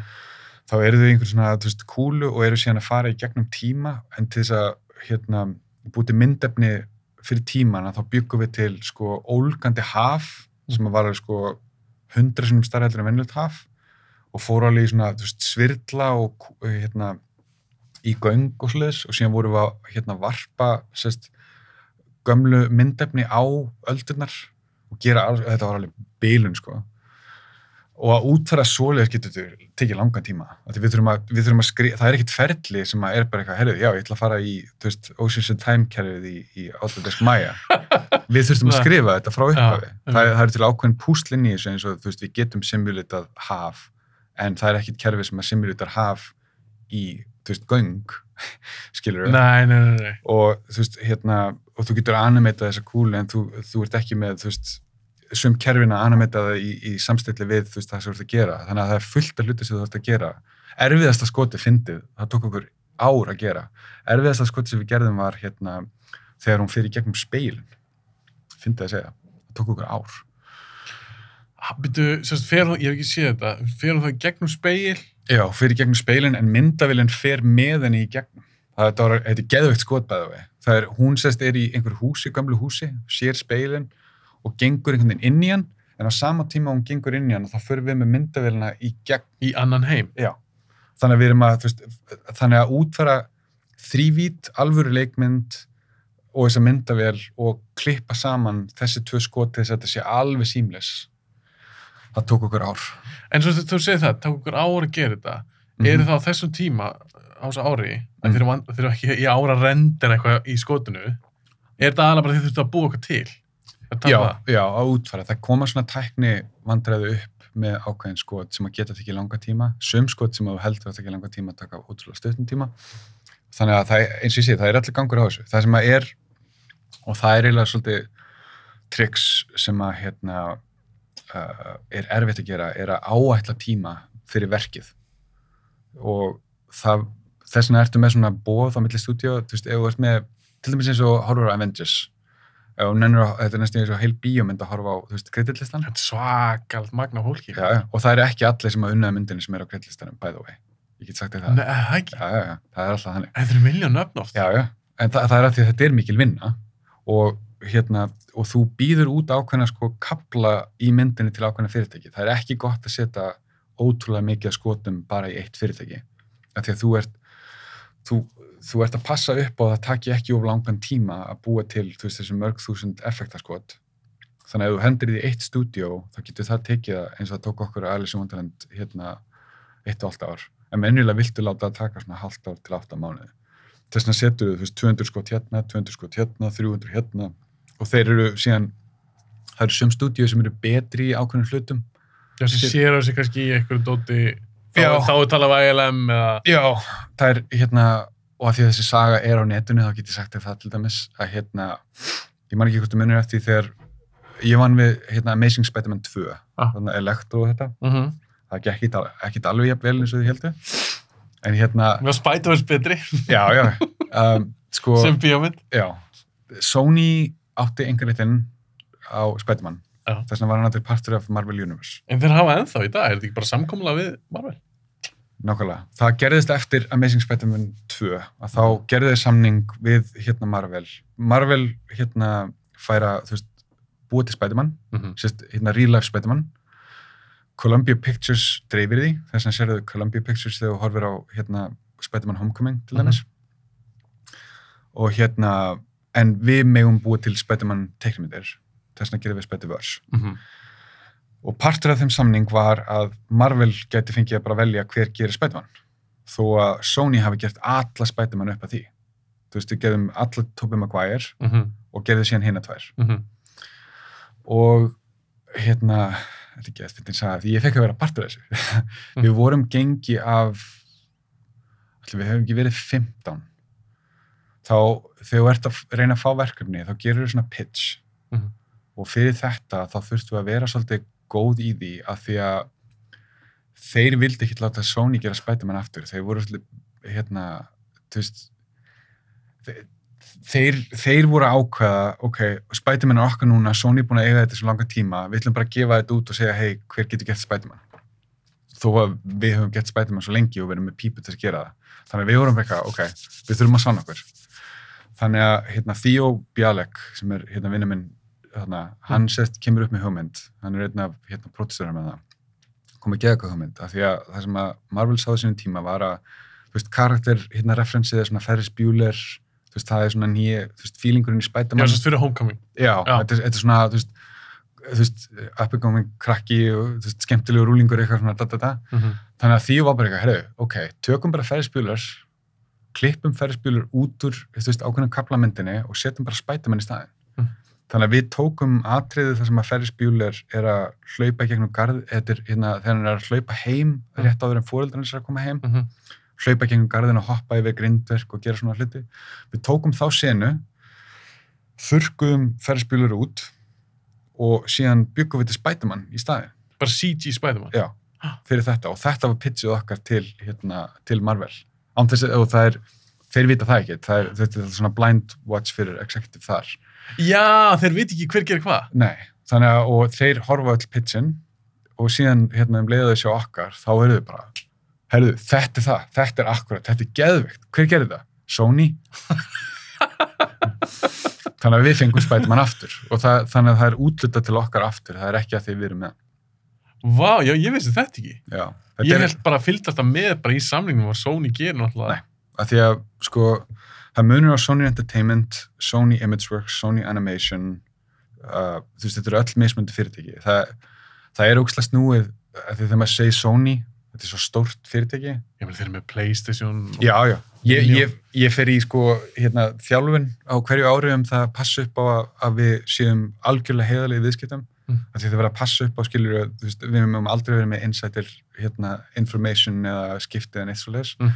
þannig að við erum alveg sér fyrirtæki sem er production fyrirtæki sem að sérst, býr til myndir, við erum með client sem að koma inn þú veist og þá erum við með ég held að hérna clientunir okkar núna eru hérna Warner Bros Netflix, Marvel og Disney og síðan er Sony Animation líka client Skilurðu? Já, já, þó að það sé Sony líka, þá er þetta byrjun bara, já, ég skilji. Já, af því þeir hafa búið til myndir sem að koma ekki til okkar eins og hérna Over the Hedge 2 fór til einhvers annars fyrirtækis og uh, Wish Dragon held ég heiti sem að var að koma út frá Sony, Ah. hún fór til einhvers annars fyrirtækis þú veist, við gerum ekki Ó, alla svona myndir en við gerum hérna ég vil segja við gerum þú veist, háskala myndinar, skilur við gerum Spider-Verse við gerum Mitchell's vs. The Machines var síðasta myndir sem við gerum frá Já, ég þarf að sjá hana, hún veist það heldur góð. hún er æðisleg, hún er, hún er briljant En eins og þá mynd, það er teiknumynd, Já. bara alveg CG mynd.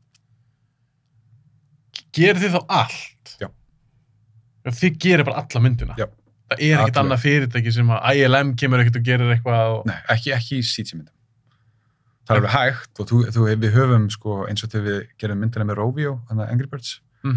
Að þá, þá, seg, þá sáu þeir um að búa til layoutið, svona Mm. rough layout Mm. og síðan þurftum við að, að það kallast ingesta eða, veist, innvæða það sem að þeir gera Mm -hmm. og síðan taka frá þar og gera ferlið okkar. Þannig að þeir vildu, þeir vildu gera sitt eigið storyboard, uh, sitt eigið editorial og sitt eigið svona rough layout í Mm. þrývít, Mm. bara til að vita hvað allt fer. Síðan tökum við það og búum til efnið ofana og, og klárum myndina.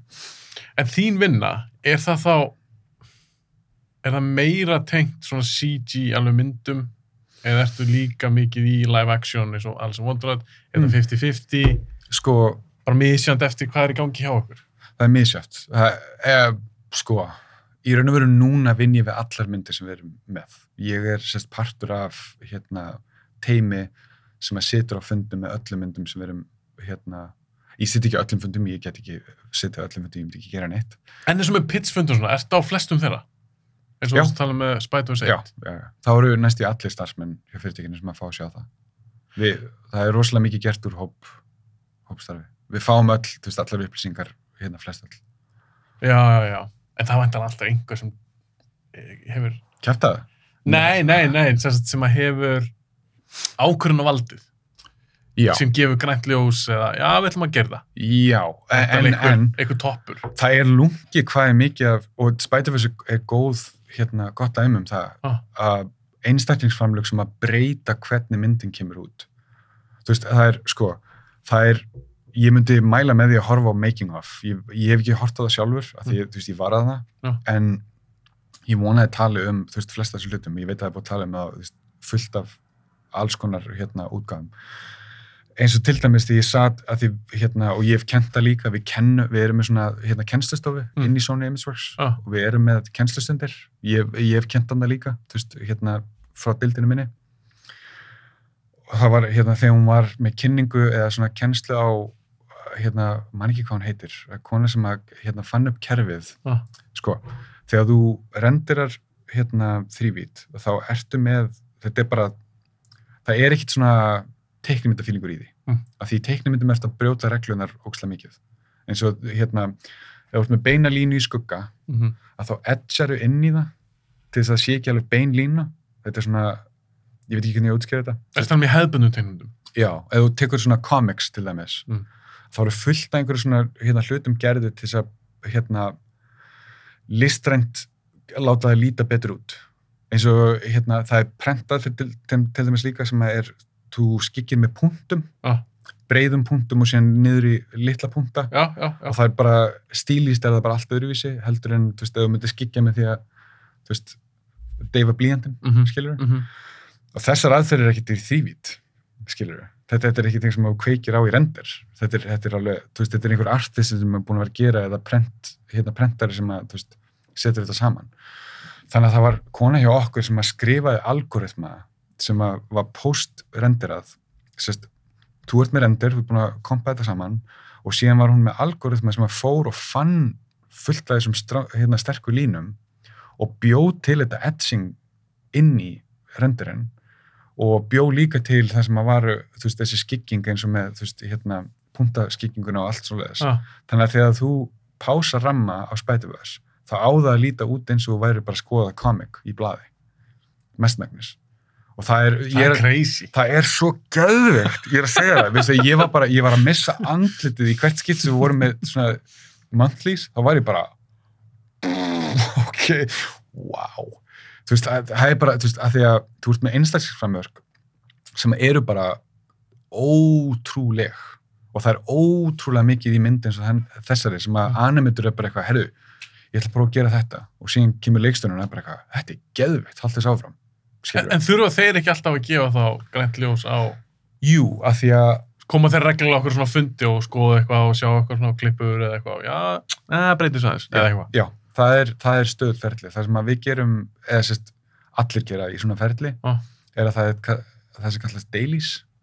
Einmitt, og þá hérna ertu alltaf að setja það fer eftir í hvort það sé sko, þú ert með mismundi supervisor. Eins og á animation mynd þá ertu með animation supervisor hvað er dailies fyrir það sem við ekki? Dailies er sem að þú ert alltaf að gera, segjum að þú ætlar að animita karakter að fara frá hérna og hinga og þú ert að animita hann lappa þegar þú ert komið með svona nokkurn veginn mynd á það sem þú ert að hérna gera mm -hmm. þá uh, playblastar þetta eða rendir þetta, þú veist, þú gerir einhverja þú veist, image sequence af þessu og þú publisar það inn í dailies.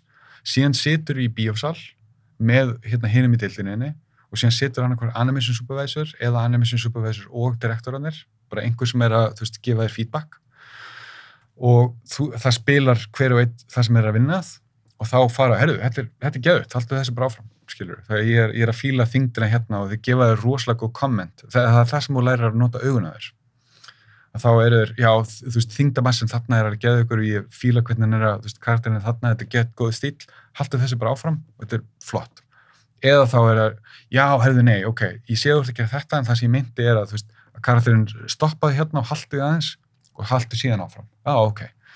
Þú veist, og þú getur, og þú getur teiknaði yfir mér þess að með þú ert að gera þetta, við erum með fullt af tólum til þess að geta, þú veist, gefið gott feedback Mhm. Gendi til dæmis var frægur fyrir það hérna, hann var rosalega hands-on leikstöri þetta er hérna Gendi Tartakovsky sem að gerði Dexter's Sa- Laboratory Samurai Jack líka já, já, já. hann var voðalega frægur fyrir það að sko pása ramma og teikna bara nákvæmlega pósuna sem hann vildi að þeim var svakalega mikið svona tvítagur og hann er sjálfur svona traditional animator. Já. það var ógslag gott, fólki fannst það útrúlega þægilegt af því að hann gæti bara teiknað upp pósuna og síðan bara seifaði hérna ramma tókst hann þangað og bara hitti þessa pósu og síðan an- animataður restina. Já, en þetta var svona líkil pósan sem hann vildi fá. Já. og þess vegna er, ef við horfir á Hotel Transylvania þá er ógslag mikið svona freeze pósum, skilur og þá eru það pósunum sem hann er svona þetta er stílinn sem að ég vil fá. Hann vil fá fingurna svona og fá, þú veist, það er ógslag töff, sko. Þannig að þetta er svona samspil, en já, það er alltaf fyrst animation supervisor og síðan director sem að gefur, þú veist, final, þetta er, þetta er cool. Og það er, þú færð feedback í hverju einustu dild, það er Mhm. feedback í modeling, texturing, shading, animation, layout, final layout, CFX effects, comp, öllu, lighting, öllu. Alltaf stöðugt feedback. Þetta lítur vel út, gerða aðeins hérna. Og þá, þá ertu með, þú veist, þú ert með allavega svona, þú veist, 30-40 augu á þér allan daginn, alla daga. Þetta er svo hljóma svo tímafrækt. Þetta er það. Bara klára eitthvað, gera eitthvað, sína það, fá feedback, kannski Já. laga eitthvað, tilbaka. Og þetta er það sem ástriðan kemur inn. Ef þú ert ekki með ástriðu, þá bara dyrðu. Skilur þú? Af því, af því að þú getur verið einhverju leðilegu líka. Þú getur verið módelir og það er bara eitthvað, herðu, við þurfum ókslega mikið að steinum. Ertu til í að módelar bara 40 steina? Ok. En ok, segðu mig það eitt, að því að eitt sem ég hef pælt í, það er uh, James Cameron. Mm. Hann hefur talað um, uh, eins og þegar hann gerir Terminator 2. Mm. Það þótti svona breakthrough. Geðveik. Já, Geðveik. Það fyrir utan bara visual effects, þetta er bara bílumynd. Mm -hmm. Mér finnst það besta framhaldsmynd sem hefur verið gerð, bara frá upphau. Í sammála. Var, við vorum að tala um það í gær. Já, Ég og frændi mynd. Mm En þegar hann gerir hana, hann bara, mér minnur hann sagt á þeim tíma, bara, já, tæknin var bara ekki nógu góð Mhm. fyrir fimm árum og whatever, Mm -hmm. núna getum við gert þetta svona. Mm -hmm. saman með Avatar. Já. Þegar hann gerir hann 2009, bara, já, tæknin var ekki nógu góð, við gáttum ekki gert það 2002 eða whatever, Mhm. núna getum við gert það. Já. Í dag, Mm 2021, -hmm. er eitthvað sem við getum ekki gert? Getið þið ekki bara búið þetta til? Ef ég kemur ykkur mynd, Geðveik spurning. Um, Um, þú ert að tala, þið eru hvað sem alltaf að búa til ykkur forrit og, Mhm. herru, við þurfum að finna að lausna þessu, Alice in Wonderland, hvernig Mhm. gerum við það? Já, ok, tekur ára en við getum gert það. Þú veist, er eitthvað í dag? Ef að kameran kemur til ykkar bara, mm. myndi ekki alltaf geta að redda því? Jú, og það var alveg, sko, hann hefur rétt fyrir sér að vissu leiti, en síðan er, það er smá punktur inn í þessu sem að gleymist svolítið. Mm. Þú getur gert flest, það er bara hver langan tíma það tekur. Það, það er það sem að, Mm. að því að munurinn á, á sko, Jón Jónsson í hérna, herbygginu sínu að gera eitthvað og hérna, einhverju stúdíu eins og okkar Mm. hérna, eitt stærsti munurinn eins og ég sagði hérna áður eru augun Mm en hinn stærsti munurinn er hver vel og hratt getur gert þetta á hver skamum tíma. Því það er alltaf deadline. Já, það, og þú getur ekkert verið í einhverju svona hérna, kreatífu hérna, verkefni nema að þú vitir að það er, veist, ég ætla að búið til bíamynd, þetta er einhver svona, þetta er svona sætgæst sem er í gangi í heiminum. Mhm. Þú veist, eins og, ok, segjum til dæmis, það er superhero, þú veist, tímabil, ég ætla að búið til superhero bíamynd Mm og ég ætla að ná, þú veist, hérna fílingum sem er í gangi. Ég vil ekki eða meira heldur en ári eða einu og hálfu ári ég búið til bíamyndina því að þetta getur bara verið úralt þegar ég kemur með þetta út, Já, já, skilur algjörlega. Þannig að Jón Jónsson í herbygginu sem segir, hann getur alveg búið til hölkmynd, en hann getur tekið hann 20 ár. Skilur það er alveg hægt. Já, já, já, En ég það- skilur, ég Þannig að það er það, Auðvitað. þannig að þú ert að tala um sko, hérna, James Cameron sem segir í einrúmi, mér langar til þess að búið til þessa mynd og ég er með hugmynd, er geti búið til þessa hugmynd á tíma Þessum sem að, já, sem að make a sense. Góða Og- punktur. já. Það meikar sens. Þannig að búið til bíómynd ætti aldrei að taka meira heldur en tvö ár. Það sérstaklega framlega. Já, já, já, já. en, en, en þú veist að að, hérna, að setja hana upp áður og byrjar að framlega getur tekið mörg ár eins og þú veist, hvað tóka hérna, Peter Jackson langa tíma fyrir Lord of the Rings hann búin að pitcha henni í alveg tíu ár held ég eitthvað. Já, þetta þetta var langt. þetta var svona bilun Þannig að basically gæti alveg verið á þeim tíma, kannski hefði þetta alveg verið hægt, Mm. en það hefði ekki 10-15 ár. Já. Já, já, já. Svo einhvern veginn, þegar hann gerir sín einhverja mynd eins og Terminator 2, já, þá gátu þeir uppfyllt hans óskir innan þessa tímaramma. Ég myndi eitt, samt á, á þeim tíma þá er þetta reynda svo brautrandi Terminator 2 er, sko, þegar hún kemur út þá er maður bara, wow en það, Brjálum. það hérna, ef maður ég er að tala meira núna, sko en ef þú fer alveg aftur í þann tíma Já, er þetta er tæknina kannski. já, hvað var þetta, 91? 90 og- já, Kemur út 91. Já, það er, ég, ok, ég mæli ekki eitthvað með því, hérna How, How Movies Are Made, það Mm. var að koma út hérna fyrir Jurassic Park, Já, já, já, já, Oh já, my á. Netflix. já, Æðislega, æðislega þetta. allir að horfa á þetta, þú veist, ef, maður er langar til að vita hvernig það var, Mhm. oh my god, Ég mitt horfið á þann þátt, einmitt Jurassic Ná- Park. nákvæmlega, þá veistu, Já, þegar hann var að tala um að, hann var bara eitthvað, fuck it, ég ger þetta bara sjálfur, Já. mér er alveg sem að gott að segja, já, já, sem animeitaði eitthvað risaðilu eitthvað. Það var ekkert búið að gera þetta aður, og það, var, og, og, og það er það sem kemur inn í það sem ég er að tala um, að, að þú ert með pródúsera sem segja bara, þetta er ekki tægt, þetta tekur of langan tíma, þetta er of dýrt, ekki gera þetta.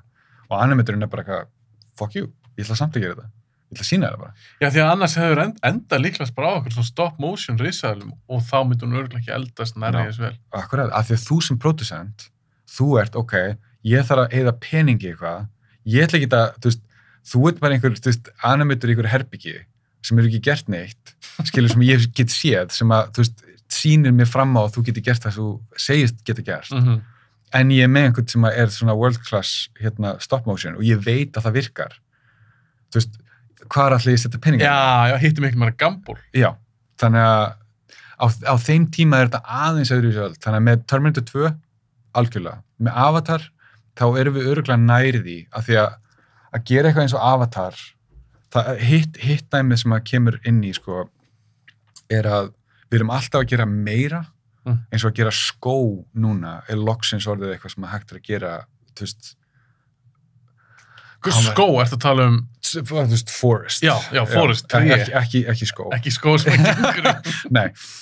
Uh, það að búa til alveg þéttan og fallegan skó sem að lítur út eins og alvöru skór er eitthvað sem er, þú veist, við erum miklu nærði núna að geta gert það, þú veist, á góðum budget, skilur En á tíma avatar þá var það fyrir eitthvað nýtt, verið ég að segja. Já, samt er ekki það langt síðan hún var. Akkurat. Þetta er svo ör þróun. Já. En eins og það var að tala allt um, mann ég, þegar maður var að horfa okkur svona behind the scenes Mm og svona visual effects gæði voru að tala um að það var svo erfitt, minnum að lörglega, eins og að, tölvi gera vatn. Já. Eins og í dag, ég meina, er þið ekki konum með það? Að þetta lúkar helviti flott, hvort það er í tölvuleikjum eða í, í bíómyndum. Jú, það er, það er fyrirtæki Scanline. Scanline hérna er með Flowline sem að það er fórhætt sem að þeir byggu til. Ah. Lengi vel voru þeir hérna aðal fyrirtæki sem búið til vatn fyrir bíómyndir. Voru bara sér af þessi í því? það er magna. Já, og það, þannig var það alveg á sínu tíma var að fyrirtæki sérhæfðu síði í ákveðnum hlutum og voru bara þetta það sem við gerum. Þannig að Veta var þekkt fyrir, hérna, fyrir svona creature pipeline, Scanline var með flowline og þeir gáttu verið með vatn. Þú veist, þetta er svona, þú veist, hver og einn var með svona, þú, þarfst eiginlega að geta sannað að þú geti gert eitthvað og það, þess vegna sérðu stúdíó og þetta er líka partur af því að, að hérna, budgeta og bytta fyrir myndir Mm -hmm. þú veist eins og segjum að ég ætla að hérna, að hérna, byðja eða sett bytta bjóða í verkefni Mhm. partur af því að bjóða í verkefni er að segja hver langan tíma það að tekur mig að búa til þrývitamódulina einhverju og því eins og ég segi þegar það tekur átjá mánuð að búa til Empire State það er budget sem þú getur ekkit þú, verður að hafa því budgetinu Já, ég skilur. skilur þetta er alvöru verkefni sko. Já. þannig að það segjum til dæmis að við séum að búið til einhverja stýðismynd og það er þyrla, Apache þyrla ef að ég hef búið til þessa þyrlu í einhverjum annari bíómynd Já, skilur, og Já. ég á þetta módel þá get ég bytta miklu lagra að því ég er með það þú búið þú spara svo mikið tíma. Já. og þetta sama með sko, ástæðan fyrir að hérna, við endum alltaf með Spiderman er því að við erum með ákveðna, ákveðna hérna, pipeline sem við erum búin að eða mörgum árum í þar sem að, veist, við erum með fullt af tólum veist, fyrir Spiderwebs, skilur Já, auðvitað. og hérna Jafnvel einhverja reyfingar eða eitthvað sem að webslinga eða eitthvað sluðis. Já. Það. já, og hérna til dæmis eins og ég get gefið dæmi um, uh, hvaðan kom, alltaf hef ekki komið frá Smurfs 2 Mm. þegar hérna hvað heitir Gargamel á íslensku? Hvað heitir? Gargamel? Oh my god, nú er ég múin að glemma því Er þetta Strumpanir ekki að tala um kjartan? Kjartan, Kjart, Ó, kjartan, já, getur ekki kjartan galdrakartan? já, já, já, ég fæ lattal í hausinn sko. Kjartan, hérna, hann er að í leiknum bíomöndinni, þá er hann að skjóta hérna eldingum út úr út úr hérna uh, töfraspóðunum Já.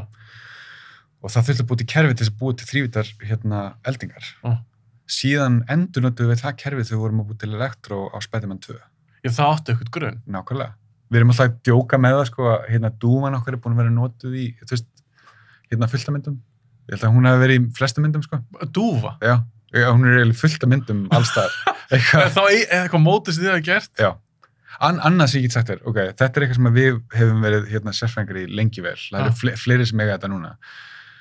Ef þú ferði gegnum myndunum sem að ImageWorks hefur gert í langa tíma Mm. þá er ótrúlega mikið af þeim á Times Square. Af því við eigum fullt Times Square mótilið alveg og við erum búin að nota þetta I Am Legend, við notum þetta í Spider-Man 2 við, þú veist það torg, við eigum það alveg í þrývit, við eigum alveg sko blokkir og blokkir af, af New York. Já, þannig að ef þið fá eitthvað verkefni, þú veist talum að bjóði Mm og það í handritinu á gerist eitthvað Times Square og eitthvað nú dæmi. Þá erum við bara, hefur, við getum búið þetta miklu læra heldur en einhver annar. Hann þarf að mótela. Já, þið eigið allt, vá, þetta er áhært, ég hef ekki bælt í því. Þið getur alltaf bara auðvitað endur nota allt sem þið einhverjum Já. gagnagrunni og ykkur, bara já, Times Square, við eigum það. Já. Þá, Það- þá spara okkur tíma við að við þurfum ekki mótilega aftur. Þetta er svona, þetta er auðvitað svipað eins og með auðlýsingastofur. Já. Auðlýsingastofur, sem þú byrjar ný, nýja auðlýsingastofu, þú verður að hafa eitthvað fyrir fram að þig sem þú getur sínt viðskiptaðinum. Mhm. Ég get búið til það sem þú vilt að ég geri. Já, já, já, Skilur. skilji. Þetta er eiginlega það sama bara á miklu stærri skala. Já, Það er, það er mjög aðtilsett hérna, að læra það því ég hef setið hérna, með einum pródúsurum Ah. sem að var, við sátum bara í tíma með honum. Hann kendi okkur bara, já þetta er bara bidding processið og þetta er það sem við fyrir í gegnum þetta er það sem ég ger á setti þetta er það sem ég gerir þegar ég kem tilbaka. Þú veist, það er ótrúlega gaman að læra hvað það er. Því þegar þú ert í þegar þú ert að sjá bransan Mm. þá renna öll þessi nöfn saman, þú veist, CG supervisor eða VFX supervisor eða þú veist, production coordinator eða digital producer. Þetta er öll nöfn sem að þú ert bara gerir öll það sama en strax þú ferð að læra veist, hvað það er sem þú actually gera þá fer þetta að meika rosalega mikið sens. Og það er rosalega gaman að læra af því ég voru áhuga samur um þetta sko. Og ég þekki, veist hérna, flestra vinnum mínum hjá fyrirtækinu eru komnir upp í þessu stöður og maður fær að læra þetta svolítið. Þannig að, já, er búin að vinna sig upp í, ég mitt, Já. eitthvað svona supervisors og, já, við erum uh, hérna, Immisworks er mjög gott að sérst, halda fólki í langa tíma. Ég held að sem sem hefur verið lengst hjá okkur er búin að vera í 23 ár minni mig sem er bilun, sko. Og er það alveg, sá, svo manneskja bara ennþá elskar þetta. já, Það Þannig er það. hérna, þú veist, hérna minn supervisor hérna að segja supervisor, bara vinnir skilur. Að hérna, hann er búin að vera fyrirtekinu í átunar, held ég. Já, held sér átunar Það er crazy. já, ég er að, ég er að vakna upp þegar ég er komin á nýjunda árið bara þessi fyrirteki Og sér þið fyrir bara, já, ég er ekkert að fara þetta er ekki aðeins gaman og við, ég meina sérstaklega eftir að veist, við vorum að gera svo því þú veist, ég var að gera emoji, það var síðasta verkefni sérverkefni sem ég var á sem pipeline supervisor mm, og hérna, ég var var geðveikt skemmtilegt að vinna þessa mynd, by the way. Mm. Þó að við höfum unnið alveg, hvað unnum við? 5 eða 6 Razzie Awards? ég hef ekki, s- já það, ég hef ekki hana. Já, það voru allir að hlæja gett mikið. Emoji. Já, en þú veist, síðan fæ maður, veist, alltaf svona feedback frá fólki og maður svona, ah, ok. Er það sárt?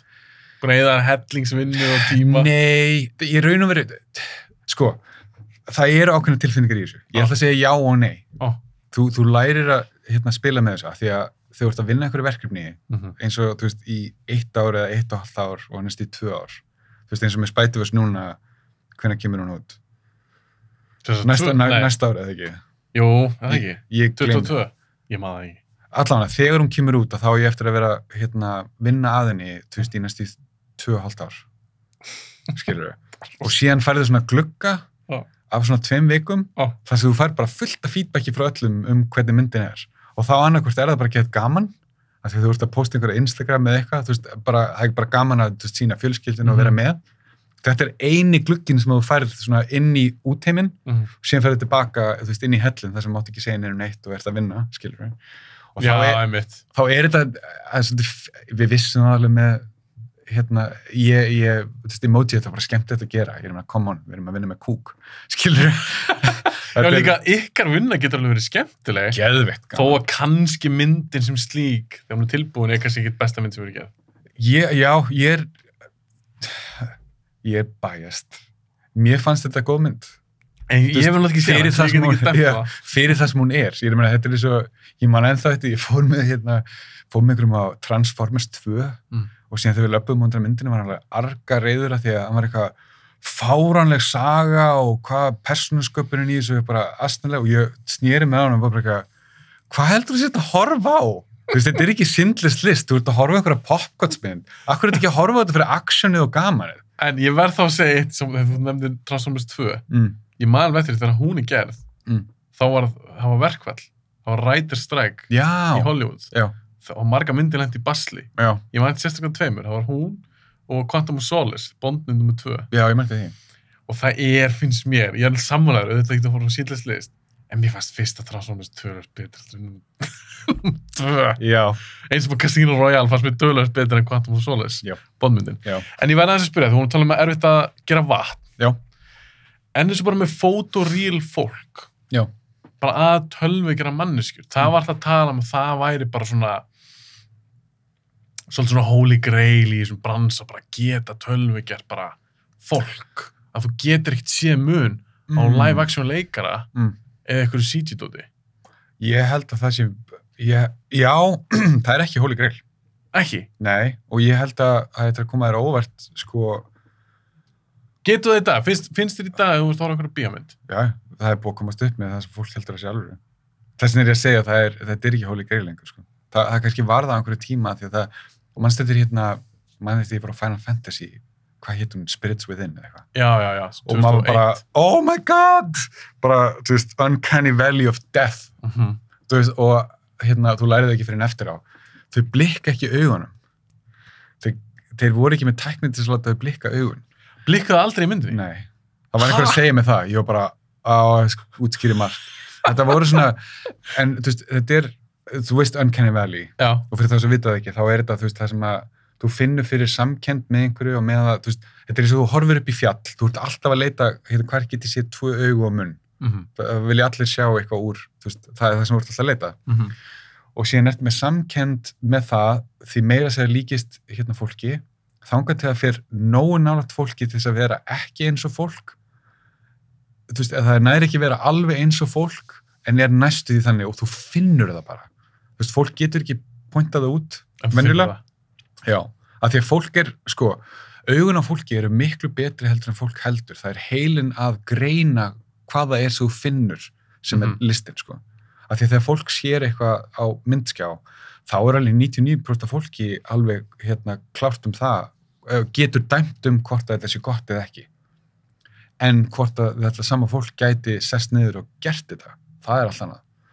Þannig að ég, ég gef fólki alveg 100% kredit alltaf þegar það segir hérna, þetta er ekkit cool skilur og þetta uncanny valley er einmitt svona þú veist, það er að því að fólk bara, þetta er bara eitthvað sem að fólk hefur, skilur alveg, En, en þú sagðir að, að það er henni búið Já. tölvögjur oft manneskjur, við, kannski, við sem áhörnundur höfum ekki eftir í. mm -hmm. En þessi ég er kannski að meina, Mm. ég er ekki að tala um eitt og eitt skot. Mm Ég er að tala um að ég færi bara á, tökum bara eins og svona síndlistlist, ég er bara að Mm. horfa á þannig mynd og bara Liam Neeson í þeirri mynd er bara tölvögjur. já, já, já, þú ert að tala um bara leikara sem er alveg CG Já, bara leika sem alveg CG, mm. hann er kannski að leika bara aðaldur ekki einhverju risamynd sem er þrý tímar eða eitthvað og svo að myndin er búin þá myndur þú segja mig, var tölvögjur já, og ég er bara, ha? Ég er þannig það. þetta er góð spurning ég, Við höfum ekki gert það í dag. Nei, og það er, það er við erum að komast frekar nálægt í, það er hérna ég er að reyna að muna hvað heitir, það er verkefni í gangi sem heitir að með minnir The Human Project. Ég er að, sko, það sem er að gerast núna það, er meira, það er alveg miklu meira viðfanga að tala um það sérstaklega en Mhm. það sem er að gerast núna er að við erum að það verið að gerast í langa tíma er að við erum að mæta sko leikjagerð miklu nær.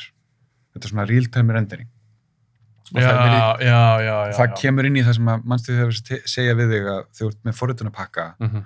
eða forritapakka eins og Autodesk Maya eða eitthvað þá skiptir það rosalega miklu máli hve, hérna, hve mikið gæði þú getur séð í veist, real-time viewport Mhm.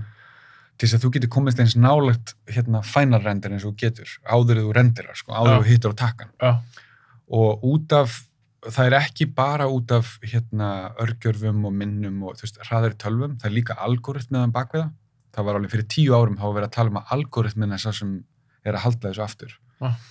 og strax svo við komist inn í að geta veist, hérna eitt minni tíma í að búa til punktana Mm.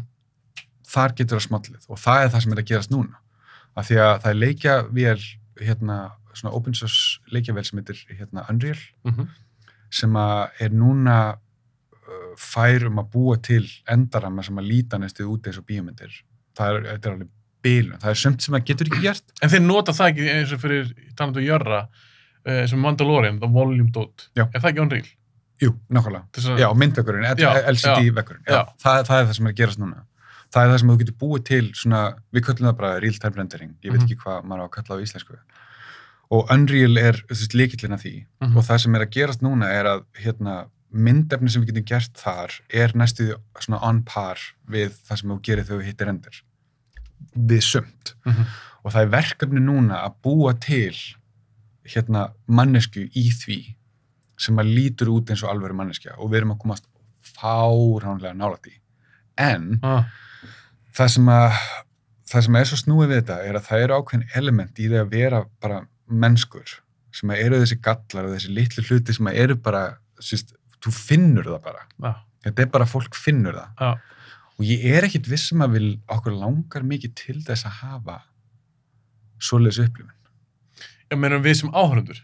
Já, ég, það, það ég er bara að tala um persónulega núna, sko, að því ég veit að það er ennþá verið að hérna, íta að því, en ég held að þessi akkurat núna finnst mér vera minni og minni áhugi fyrir því. Og sérstaklega þú horfir á, sko, hérna hvað þau voru happy að sjá Spider-Verse og happy að sjá, þú veist, hérna Marvel-myndinar og happy að sjá eitthvað svona, svona ævintýra, skilur við erum komin út úr, það gerðist í bíómyndum að þá er alveg, sko, lína, þú veist, fyrir og eftir 9-11 Mm. þar sem að við förum frá því að vera með þú veist, miklu meira svona ævintýrakend og þú veist, á þeim tíma er Matrix og Lord of the Rings og svo leiðis Mm -hmm. og eftir það verða bíómyndir ógislega svona allt verður að vera gett þú veist, alvöru þú veist, þetta er, þú veist, og hápunturinn að þessu með þess að fyrir, fyrir mér er The Dark Knight Ah. það sem við erum að sjá sko superhetjur Mm -hmm. sem er eitthvað svona ævintýra en við, veist, setja það fram eins og það sé gett alvöru Mm einhvern veginn, þetta er svona ógislega ríl eitthvað Já, grounded. Já, og mér finnst persónulega, og það er bara mitt álit, er að mér finnst að hérna, kynsluður í dag, þeim langi freka til að sjá aðeins meira ævintýra dótt vera að gerast, skilur. Mm -hmm. Okkur finnst miklu skemmtilegra að búa til eins og Spider-Verse eða Mrs. vs. the Machines, sem er, þú veist, eitthvað bara, gerum eitthvað sem er bara nýtt og öðruvísi og stíliskara Gaman, skemmtilegt. Já, í raun og veru. Og ég, ég sé ekki alveg mikið áhuga fyrir svona alvöru, einhvern veginn. En hvað er þá, þú sagðir að það var kannski ekki svona the holy grail, hvað Mhm. er í visual effects heiminum, Mm. hvað er svona mest spennandi, er það kannski bara eitthvað svona algoritmi, eitthvað, Já, eða skilur, er eitthvað sem að, ég held að sé ekki, ég get ekki hugsað til þess að sé eitthvað svona ákveðin holy grail í raun og veru. Ég held að sé bara, nei, það er ekki eitthvað eitt, sko. Það er og eitthvað veru. Nei, ég, ég held að hafi verið, að því erum komin upp, upp að þeirri tækni þar sem að, ég held að holy grailin núna sé real-time rendering. Ándjóks. ef, ef þú getur hérna sest niður og það, það er það sem við erum að horfa núna bara, þú veist, yfir höfuð í bransanum Mhm. þú veist, frá minni hlið erum við að horfa á tækni í dag þar sem við getum hérna búið til efni bara á staðnum það er það sem er í raun að gerast ég held að það sé næsti hérna grundullur undir svona tækni byltingu þegar þú getur sest niður og þú getur gert sko, þú getur simulatað sjó og verið með, hérna verið með veist, skrýmsli og verið með mannesku og verið með veist, allt þetta, öll þessi element og þú getur bara hort á það real time. Og leifti bara að gerast og, og ákveðin ákveðin hvað er að gerast á, á, á þeim tíma. Það með þá veintalega að spara gríðalega tíma. já, svakalega mikið tíma því að það ít og rendur og býða síðan er þú veist, þá eins og ertu- tala um aðan, það tók bara, hvað var þetta ekki, 1400 eitthvað 1400 tíma. þá, þá, og þá ertu sko þess vegna er starfið mitt svo mikilvægt því að þá ertu með þú veist, einhvern artist sem er idle og ertu að passa upp að hann geti verið með vinnurhella þar sem hann er overlappa fullt að hluta og hann er alltaf busy að gera eitthvað Já, með að þetta er að rendarast, þá er hann að gera er að gera eitthvað annað og þá ertu með fólk sem er að passa upp á að það er að gerast En þú talaði um leikjagerð. Já. eins og töluleiki það, spilar eitthvað töluleiki? já, Já, ok. algjör kona mín er hérna útskrifuð hérna leikja hönnuður, game designer Nei. þannig að við erum bæði í það- þetta er svona hobbyð okkar Ok, þannig að þú þekki kannski eitthvað aðeins inn á þann bransa líka. já, eitthvað. Ok. Ég er ekki sérfræðingur en, Nei, nei, mér langar að spyrja bara líka þitt álit. mm Að því töluleikir hafa breyst svo mikið. -hmm. Og þessi bransi, þetta er svo mikla tekjur Mm. í dag. Já. Þetta er bara fárlegt. Ég las eitthvað að þetta væri að taka inn meiri pening en tónlistarinn og kveikmyndarinn er samanlagt. Já, það er hérna, eins og hérna, mótstæðin sem er í gangi núna í Íslandi hérna League of Legends, þetta er stærri heldur en Formule 1 Ég veist, þetta er bara, þetta er risa, risa batteri. Já. Og töluleikir er mjög flottir, mm -hmm. margir þeim. Mm -hmm. Ég er Playstation maður, þannig ég hef verið að spila með God of War og þessa leiki sem eru exclusive Geðveikt. gerðir. Bara, ég, ég, spila í Playstation 4, Mhm. bara þannig að kemur 2018. mm -hmm. Og ég var bara, sérstaklega þegar allir leikun einn taka. Mm. yeah, thank you, þú, ok, cool, sem er nákvæmlega, crazy já, og ég held að það ekki verið gert á þeirri töluleikjum Nei. þannig að það er alltaf, þeir, ná- að feika þannig að þetta er bara, bara seamless mhm, öll sagan er bara seamless mhm, grafíkin geðvik en að gera til þess að svona leik Mm. þekkjur það eitthvað tölvu vinnan á baku svona mm. versus að tölvu gera eitthvað bíómynd er þetta eitthvað sambarlegt? að vissu leiti já, þú ert að búa til það sem kallast assets þú ert að búa til sérst mótilirinn og setja saman heiminn í raun og veru, af því að þú ert alltaf með, þetta er alltaf um með sem er töluleiki, þá er þetta bara pixlar Mm skilur, það er bara verið að skapa það á sama tíma, þú veist eða vinslan er að skapast á sama tíma Já. í stæðin fyrir okkur að íta á render um, en í raun og veru þá er þetta það er mjög mikið líkt með þessu og mjög mikið ólíkt með þessu uh, þó að við séum með assets hérna, sérst, einn vinur minn hérna, Matt Noguchi hjá Bungie Mm. uh, hérna, ég hef hort á fyrirlestra frá þeim og við höfum talað um þetta aðeins uh, þeir þurfa að taka hérna, assetin sín og breyta þeim yfir í hérna hvað kallast þetta?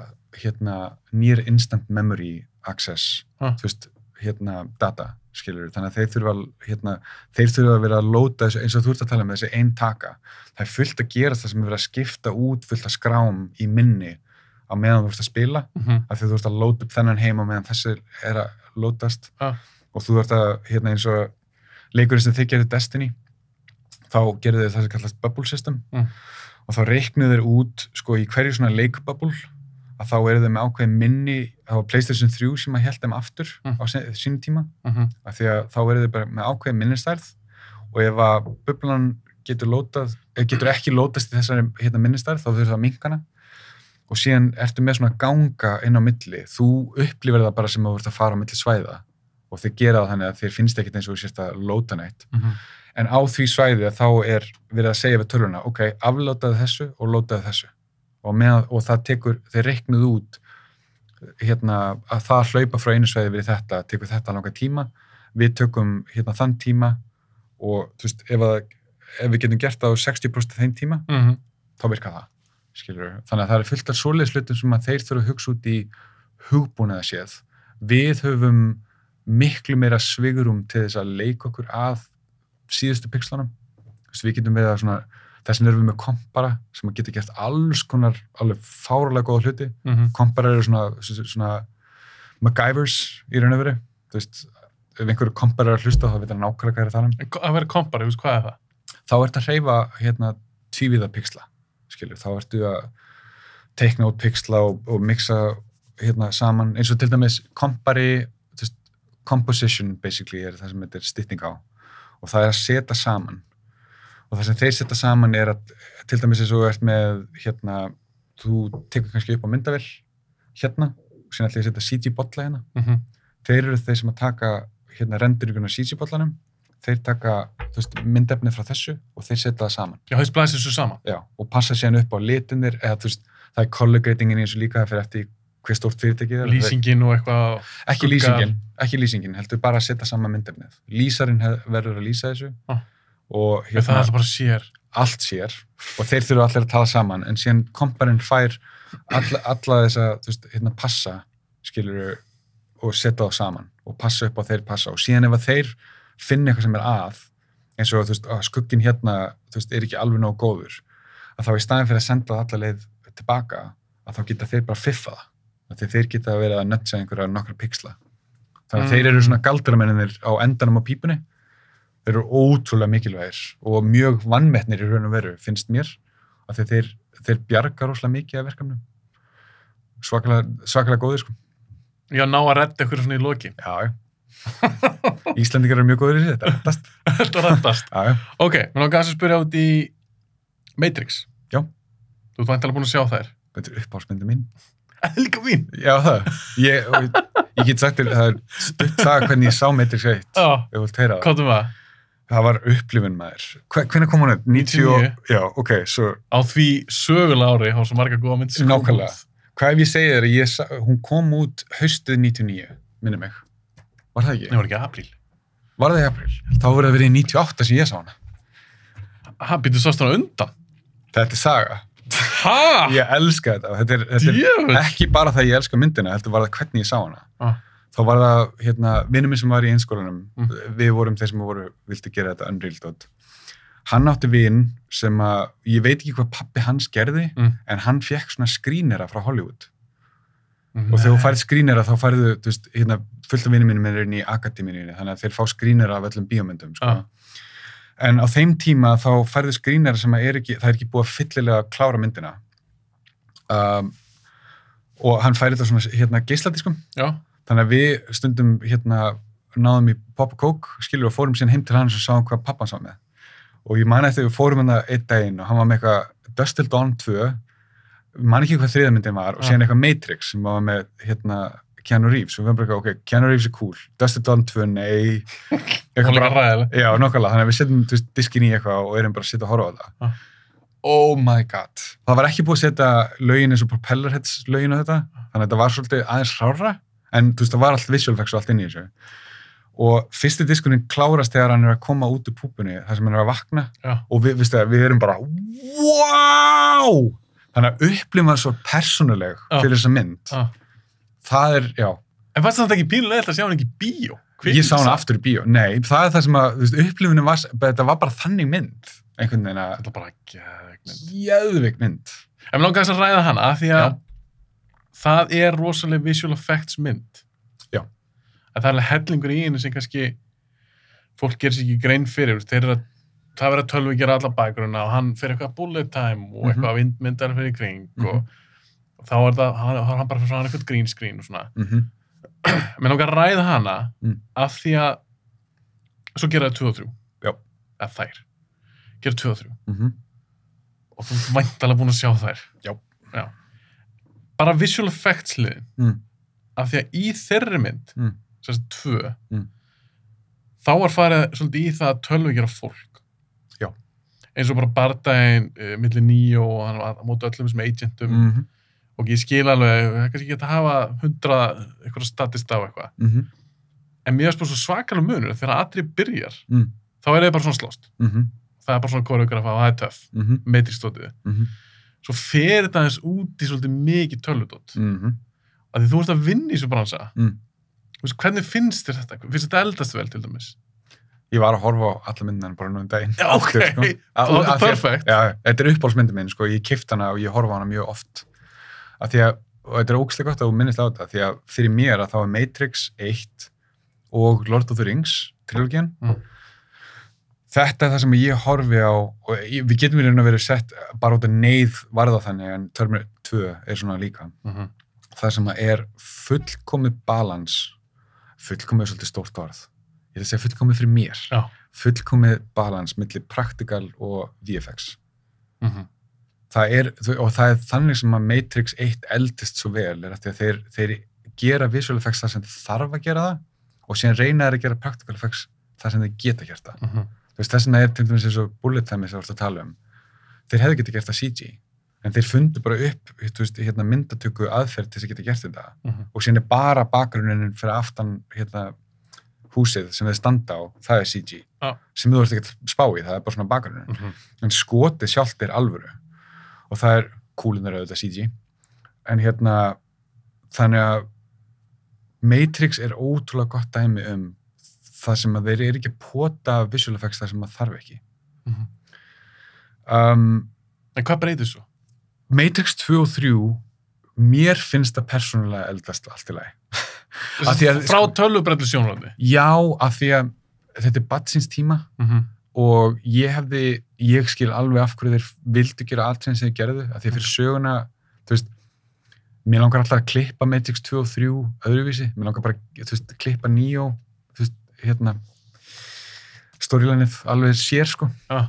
um, af því að mér finnst allt annað eitthvað svona, að ég ætlum að sína fram að við erum með herra budget, sko, þú veist, eins og ég sopnaði í bíó á þessu er á, hérna, að keira, eða, veist, hérna, háspennu aðtrið þessu eru bílónum og trukkunum allir þessu. Ég bara var alveg snorfest. Býtu, er það að tala um, að tala um highway atrið? Já, Það er svona crazy, ja? Já, ég veit það, en ég get ekki svo leið, sko. Akkur ekki, fannst það of langt? Ég er miklu meira svona, þú veist, ég fíla söguna og svona tengslinn við söguna. Já, þú, þú sérst, því að mér, Matrix, ég er svo mikil action guy Já. og það er ennlega rosa mikið cool action í Matrix-myndunum. Mm Já, ert þú nálgast þetta freka frá bara, heimsbygginni, sögunni? Líka, sko. Ég, ég fíla, hérna, visual effectsin, en þegar það passar inn í söguna, highway atriðið er svona, ég, ég totally, I get it. Ah. En það er ekki svona, það er ekki fyrir mig. Þannig að ég, ég man að ég sopnaði og rangaði við mér aftur þegar ég voru að hoppa og geða fundið, sko. En ég hefði ekki viljað að það hefði gert það öðruvísi. Og ég sé alveg, þú veist, það er ógst að finna að sjá statistana og síðan CT við hliðina og eitthvað svoleiðis þegar maður horfir á barndatrið já.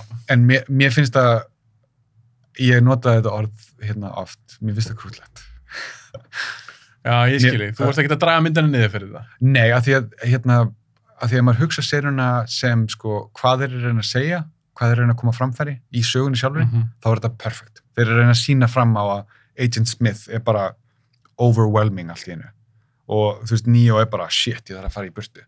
Þannig ég skil alveg sko story elementið. Ef við værum að gera þetta í dag þá myndi það líta miklu betur út. En við myndum öruglega fara yfir strikið, skilur Mér finnst myndir í dag nota CG allt of mikið. Að það er svona, hei, við getum gert þúsund hesta í bakgrunnin, gerum það. En það er ekki verið að spyrja, af hverju ættum við að gera það? Þú veist, Er, hvað er þetta? Af hverju erum við að gera þetta svo mikið? ég held að þetta sé svolítið, hérna, Af því við getum þetta.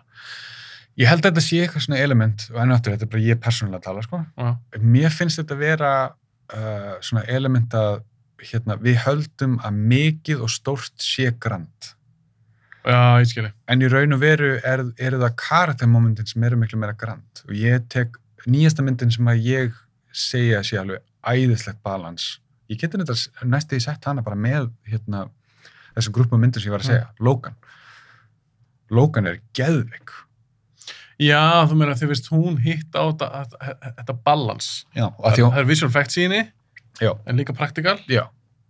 Því að ég er þannig gaur að, að þú veist, ef að það verður að vera hérna, tenging á milli actionið og af hverju actionið er.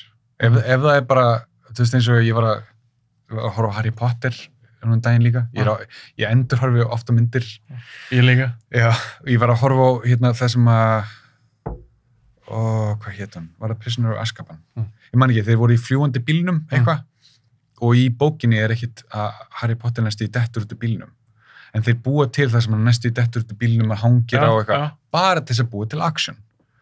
Og þá er ég bara snorfest. Ég bara, ef það er ekki tenging á milli, þú veist, ef þetta bara til þess að búa til spennu Já. af því að þegar þú ert að, og þú lærir þetta ég þurft að læra þetta, þú þurft að hérna, læra að segja sögu.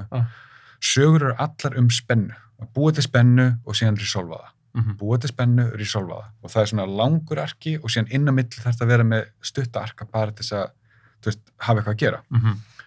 og þegar svoleið spennur eru búin til upp úr engu eins og það er engin ástæð fyrir því að hann velti bílnum og hann dettur næstuði út það er ekkert story elementir í kringu það Ah. þá er ég bara svona, nei nei en ef það er, ef það er ákveðin veist, hérna sögu point að gera það Já. þá er ég bara cool Þá virkar það fyrir Já. þannig að En eins og með Logan, áhört skilur nefna hana, því að Mm. þegar ég hugsa um þá mynd, Mm. þá hugsa ég ekki um eitthvað svona visual effects fest. En samt er alveg pottet miljón skot í myndinni. að ég nefna aðra mynd sem ég nefni alltaf við fólk Ah. þegar, þegar ég fer að tala um visual effects myndir Sér þið finnst vera svona gott balans eða vera off. Nei, ég, já, ég, hvernig er það gott balans Ah. hérna Castaway Með Tom Hanks. Já. Því nefnum þá var fólk alltaf bara, hvað minnur það? Er það ekki bara flugslösi? Ok, nákvæmlega. Ok, hvað ef ég segir? Það voru engin nætiskot, það var engin eiga, þegar hann er að, hall- manstu þegar hann hallar yfir sér á fjallinu og horfir niður á ströndina, Já. hann er á litlum klett út í Nevada, með svona green screen tjöld fyrir neðan. Er það grínskrin skot? Já, já. Það er, hann er aldrei á sjó, þegar hann er á flekanum. Uh, Við, við, þú segir aldrei á sjó, Já. hann er samt í vatni. ekki, Er- ekki alltaf, það er stundum CG. Ég er að segja það, það er svo mikið effektaskot í þessari mynd. En er hann ekki einhverjum tanki og eitthvað? ekki alltaf skilur þú þannig að svo mynd er fullkomin til þess að sína fram á að Ah. CG mynd með fullt af CG og fullt af kvotum getur verið algjörlega falið það bestu, þetta er ég tala alltaf um það, hérna visual effects artistar Mm. eru svona mest megnis hérna svona underrated af því að ef að þeir gera vinnunni sinna rétt þá verður ekki hugmynd að þú það sér það ekki. Já, og þess vegna var ég að segja að þessi Holy Grail, Mm. hann er í raun og veru komin og farin af því að það er svo mikið myndum sem að þú séð, þar sem þú heldur þú ert að horfa á alvöru, en það er CG. Það, veist, það kemur þér á óvart hver mikið. Þú, þú væri bara, já, what? Er þetta ekki bara einhver mynd líka? Bara... Já, já, og já, Svo er ein mynd sem ég þetta líka stundum í hug. Ég hef ekki hugmynd um því ég horfði á hana. Mm. Sem er með rosa mörg brelliskot. Já. Uh, Wolf of Wall Street. já, nákvæmlega. Þú veist, ég sá eitthvað sem behind the scenes. Ég var bara að byrja, ha? Já, Bara eitthvað bygging sem hann lappa á. Þú veist, þá er hurðin öðruvísi eða eitthvað. og maður bara byrja, ha, þetta?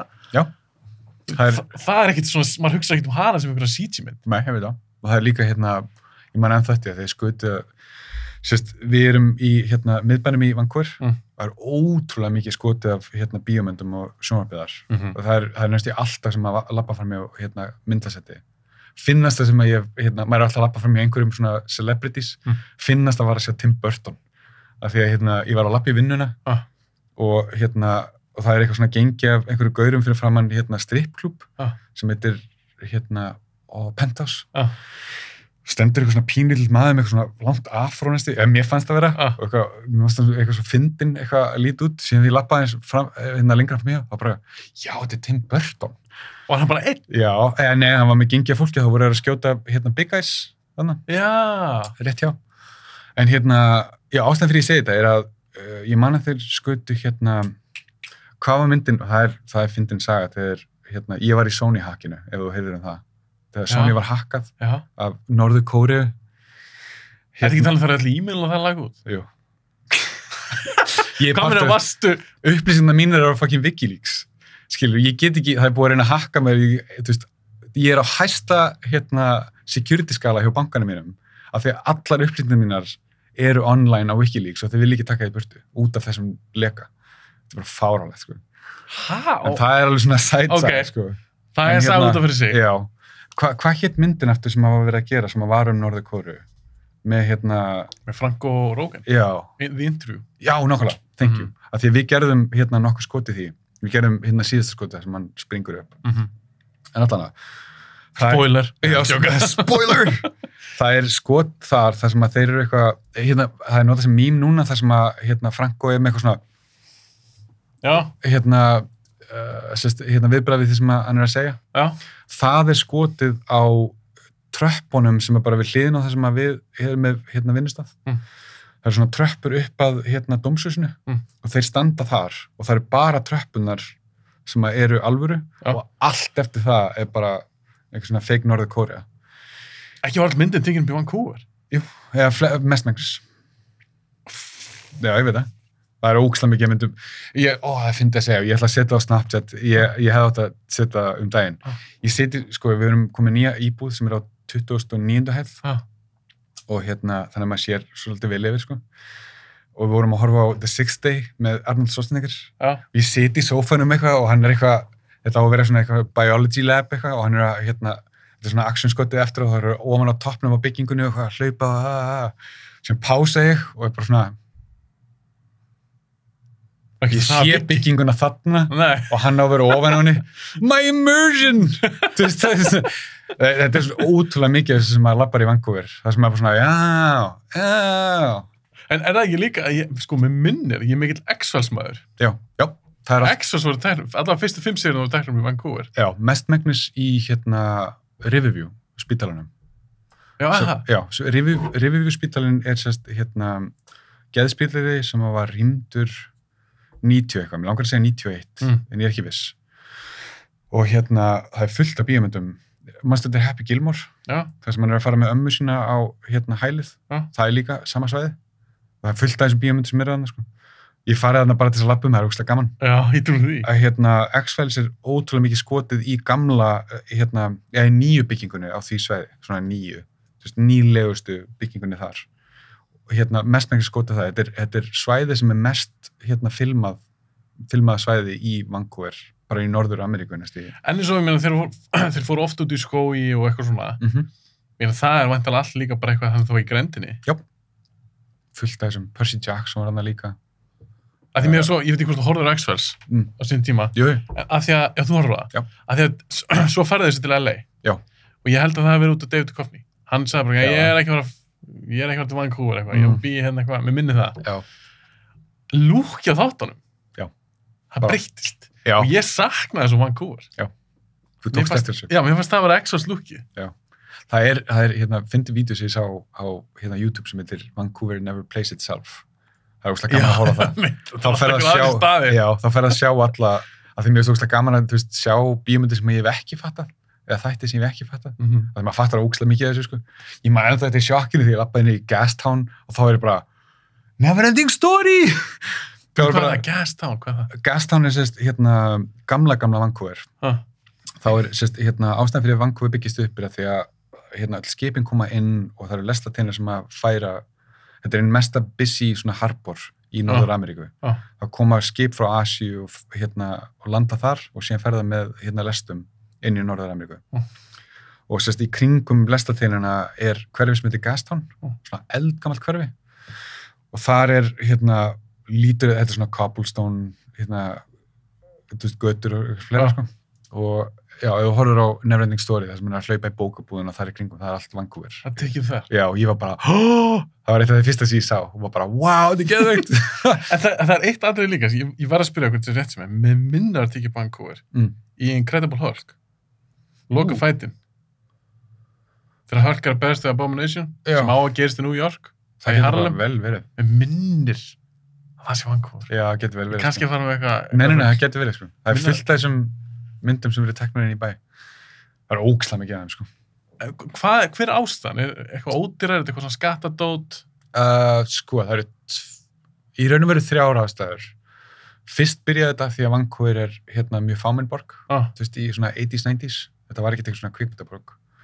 Og það var útlega ó, þú veist, það var miklu ódýrara og erf, eh, hérna, auðveldara að skjóta myndi þar heldur en að, þú veist, stoppa götur í New York eða stoppa götur í Chicago.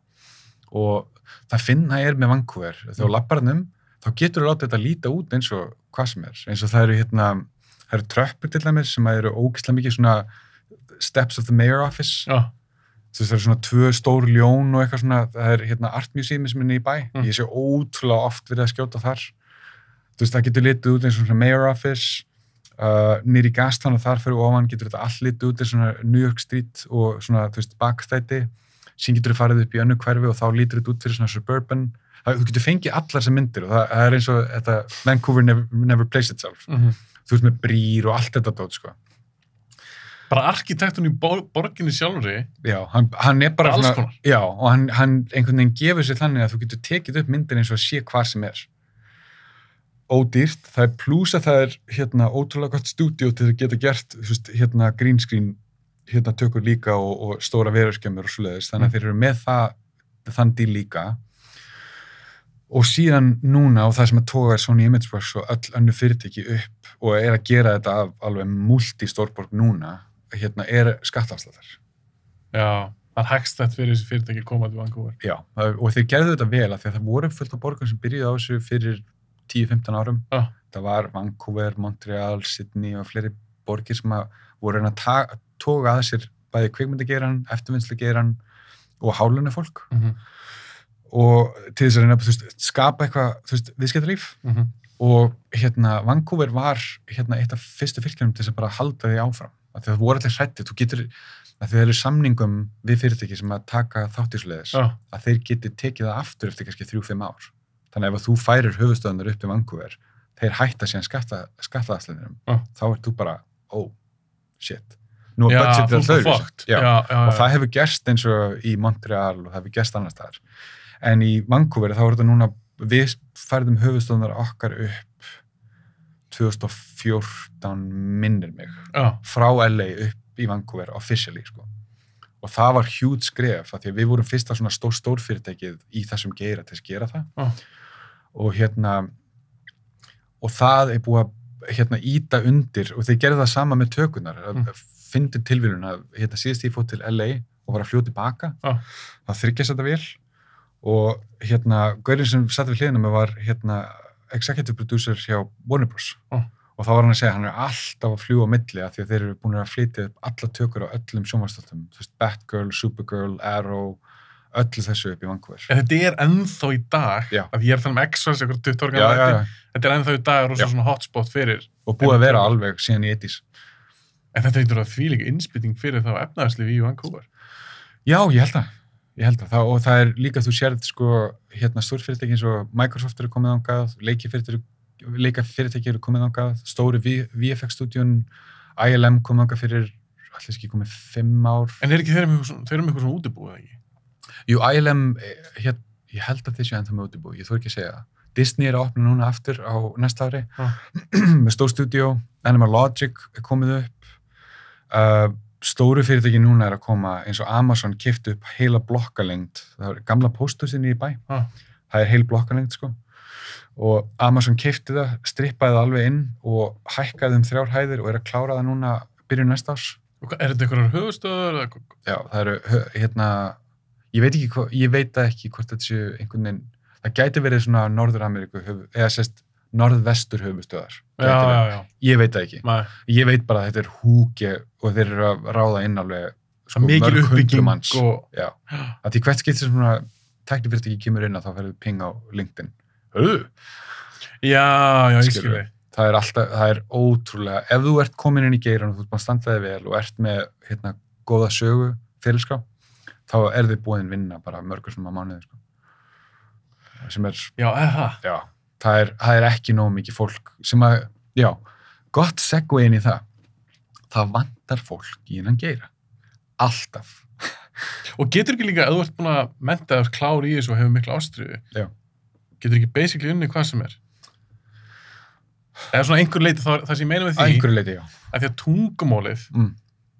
er mitt, þessu tala, forrötun og þetta er svona tölvut og Mm. Já og nei.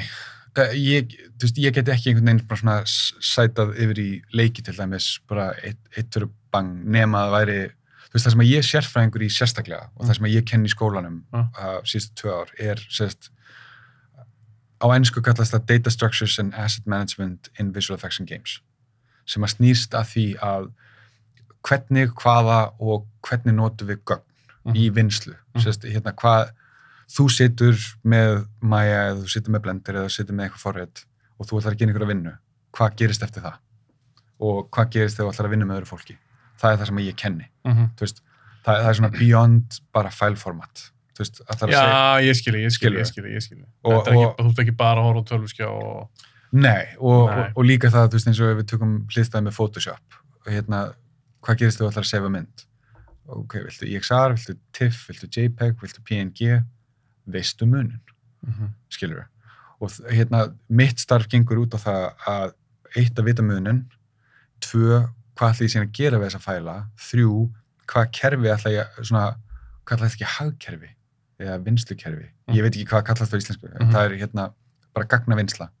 Hvernig ætlar að, að geima þessi gagn, hvernig ætlar að hafa aðgang að þeim, hvernig ætlar að gefa öðrum aðgang að þeim, hvað ætlar að geima þau, hvernig ætlar að færa það að milli, allt þetta, það, það er mitt, sko. En það vantar sérst fólk í þá bara allar stöður, Í raun og veru, það, skilur, eða... það, já, það er, það sem er erfiðast að komast inn í Ah. er modeling. Akkur er það? Að því eins og ég sagði við þig, hérna, Margir sem vilja það? nei, nei, já, já, það er eitt að það er, það er aðgengilegast, það er það fyrsta sem þú lærir í raun og veru, Að búa til mótel? Já. Um það? já, en, raun, en hitt er að, hitt er sko, eins og ég sagði við þegar maður er að bytta mynd og þú átt að patchi hérna þyrluna, Mm -hmm. þegar búið mótilina einu sinni, af hverju þetta mótilina aftur? Þannig að frá því, þú veist, 90 og eitthvað og þá til núna, það búið að mótila allt milli heimis og hérðar. Já, auðvitað. Já, já, já, Þannig að-. Þannig að, þú veist, stórfyrirtæki eru farin að fara út í það að kaupa mótil online í staðin fyrir að, hérna, ráða mótilur að þess að búa til, af því að ef það er til online og það er mjög gott, þú getur tekið inn og breytt í aðeins. Akkur ekki gera það? Það er ódýra. Já, þú getur alltaf breytt litnum og allt það. Já, já. og líka já. bara laga það að því sem þú þarft, Já, sko. einmitt, einmitt. Þannig að, Já, það meika sens. Það er alltaf búa mótel svo mikið. Já, og, og síðan núna erum við að þú veist, detta inn í þú veist, artificial intelligence og, og hérna, machine learning þar sem að þú getur verið að fæða sko, hérna, forrið fullt af gögnum sem er búið að búa til til þess að búa síðan til meira af því að þú getur búið, þú getur fætt sko machine learning þú veist, 10.000 bíla sem er búið mótela og síðan sagt við það, herðu ég ætla að kenna þér að hérna, mótelara bíl út frá því sem þú kannt. Og þá kann hann auðvitað, ok, það eru fjögur hjól oftast, mm -hmm. skilur og það er ákveðin struktúr á þessu. Og síðan segir þú, ok þú veist, það er algjörðum þeir í kringu það, en þú getur ferð að kenna tölvum að búa til hluti fyrir þig. Þannig að þú getur búið til eins og ég var að segja við þú veist, í fortíðinu myndur þú þurfa að mótela 40 steina, núna getur við gert þetta það sem kallast procedurally. Það er bara tölvugert sko. Bara út frá algoritma En ég verð líka að spyrja því að við erum, að tala svo mikið um CGI og tölvuvinnu. Mm. Í gamla dag, áður en að tölvur eru svo aflugur að við gætum verið að tölvugjara allan fjandan, Mm. þá var þetta rosa mikið, það var make-up, það var Já. animatronics, Mhm. það voru einhverja brúður, mm -hmm. það voru módel, þá voru ég að tala um módelsmíði, mm Mhm. þið voru að búa til módel. já, Fyrir þið persónlega, mm. þú voru greinlega kveikmyndahómaður, já, að því að þetta verðist vera svolítið svona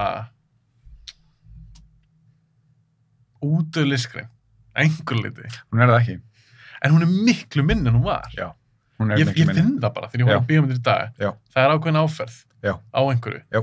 Og gott dæmi er, uh, að því ég horfði á hann í fyrskiptum daginn, The Thing, príkvölu. Ég hafði aldrei síða hana. Ég elska fyrstu. Eða þessar fyrstu sem, Carpenter gerir 82. mm Svo horfði ég þess endurgerð. Nei, þess að þetta er príkvöl. Mm. Að ég veit, hefur síða hana? já, Já, hefur séð bámyndar? Já. Já. Að ég veit að það voru gæjar sem gerði þetta. Bara make-up, eitthvað animatronics, Mhm, dot, mhm. old school. mm Og þ- mér minnir ég að lesa það að Mm. það var þessi leikstunum vildi. Bara ég vil gera þetta svona. Já. Svo kemur stúdíuinn. Þeir bara, nei, Og svolítið að miklu leiti yfir það sem þeir byggu til. Já. Þannig að áferðin á myndinni, Mm. allt, allt önnur. Já. Ég persónulega saknaði þess svolítið mikið. Mm. Það horfður á gamla 80s hryllismynd eða eitthvað. Mhm. og Bara, það er svona, það er eitthvað ákveðin áferð í þessu, það er Mhm. ekta. Í dag er það svo mikið tölvi gert. Mhm.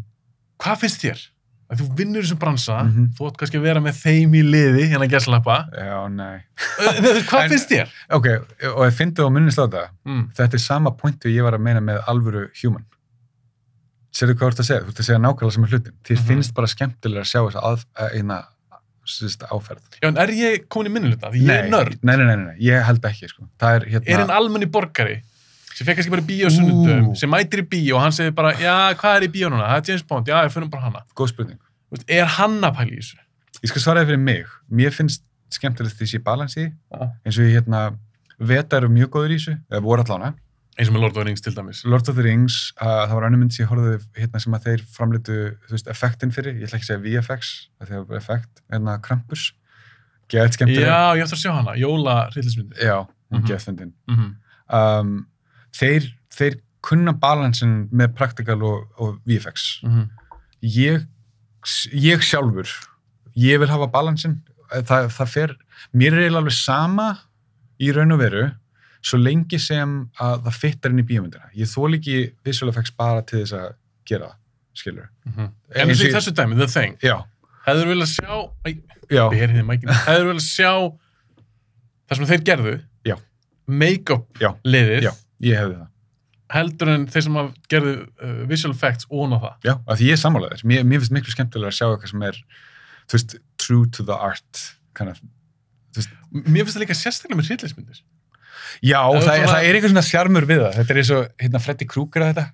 Ég er alveg sammála, ég man að fyrsta CG elementi sem ég sá í hérna hryllingsmynd var Freddy Krueger 5, þar sem að pípan er eitthvað sett fram í að þetta að vera eitthvað svona þrývít Og það hræðir, ég man ekki Já, ég sé hana, ég man ekki eftir- ég var eitthvað svona, ok, cool gimmick en þú veist, ég er sammálaði, það er eitthvað svona og það, það er líka, það er ákveð element að, þú veist, þú ert að gera hérna alvöru, þú veist, eins og þetta Mhm. þú veist, þú ert að gera, þú veist, animatronic og þetta, það er ákveðin sko uh, hvað maður að segja uh, response sem þú færð frá þeir sem er að gera bíómyndina, leikararnir hérna, allir hönnuður og allir sem eru á settinu Mhm. þegar þetta er þarna þá kemur bara upp annar fílingur og ég held að það sé eitthvað sem við getum ekki útskýrt beint en það er bara þetta er eins og hérna sterkasta dæmi af öfgunum í hináttina er hérna Star Wars prequelin það sem að þeir, Mhm. þeir eru bara standa á einhverju svona húkja green screen og, og einhverjur segja, já, þú heldur á þessu og þetta, þarna eitthvað, og þeir eru bara, já, og, og þeir eru svo andlausir, þeir eru bara, þú veist, eru bara, ég er hérna, ég er að gera þetta, og síðan er allt búið til í kringu þá, en þeir líta út þess að þeir viti ekki hvað, þú veist, þetta er svo ótrúlega sjarmur lítið, sko. Já, það vantar svolítið svona. Það vantar alla tilfinningu, og, þú veist, já, það, það, ég held að leikarar tengi miklu betur við veist, það sem er að gerast. Og þess vegna til dæmis eins og hérna í Lord of the Rings þess vegna hérna Andy Serkis og ég labbaði fram hjá honum líka hann hver það- allir þessi gaurar, þeir fá að vera í friði sem betur fyrr ég, hérna, allir bara vanir í að þetta lesi þetta. já, ég reyna að vera þetta er svona eins og Reykjavík, að kipið sem ekki upp það sko. Hérna, hann, mér finnst hann snillingur upp á það að hann í King Kong og Lord of the Rings að þá sagði hann, ég vil vera á setti og leika á móti leikurunum Já, já, einmitt. og það gerir svo mikið að því að þú ert að leika á móti einhverjum og fá viðbröðun og gera þessa hluti á settinu það er allt öðruvísi held ég. Og það er það sama með veist, The Thing. Þegar þú gerir svona practical effects og þú ert með, þú færð að lifa þig inn í þetta þá er einhvern veginn öðruvísi áferð á ekki bara á myndefninu Mm heldur feelingunum líka sko. Já, meina bara bæði fyrir því sem áhörndi og, og fyrir leikarna. já, mér finnst það.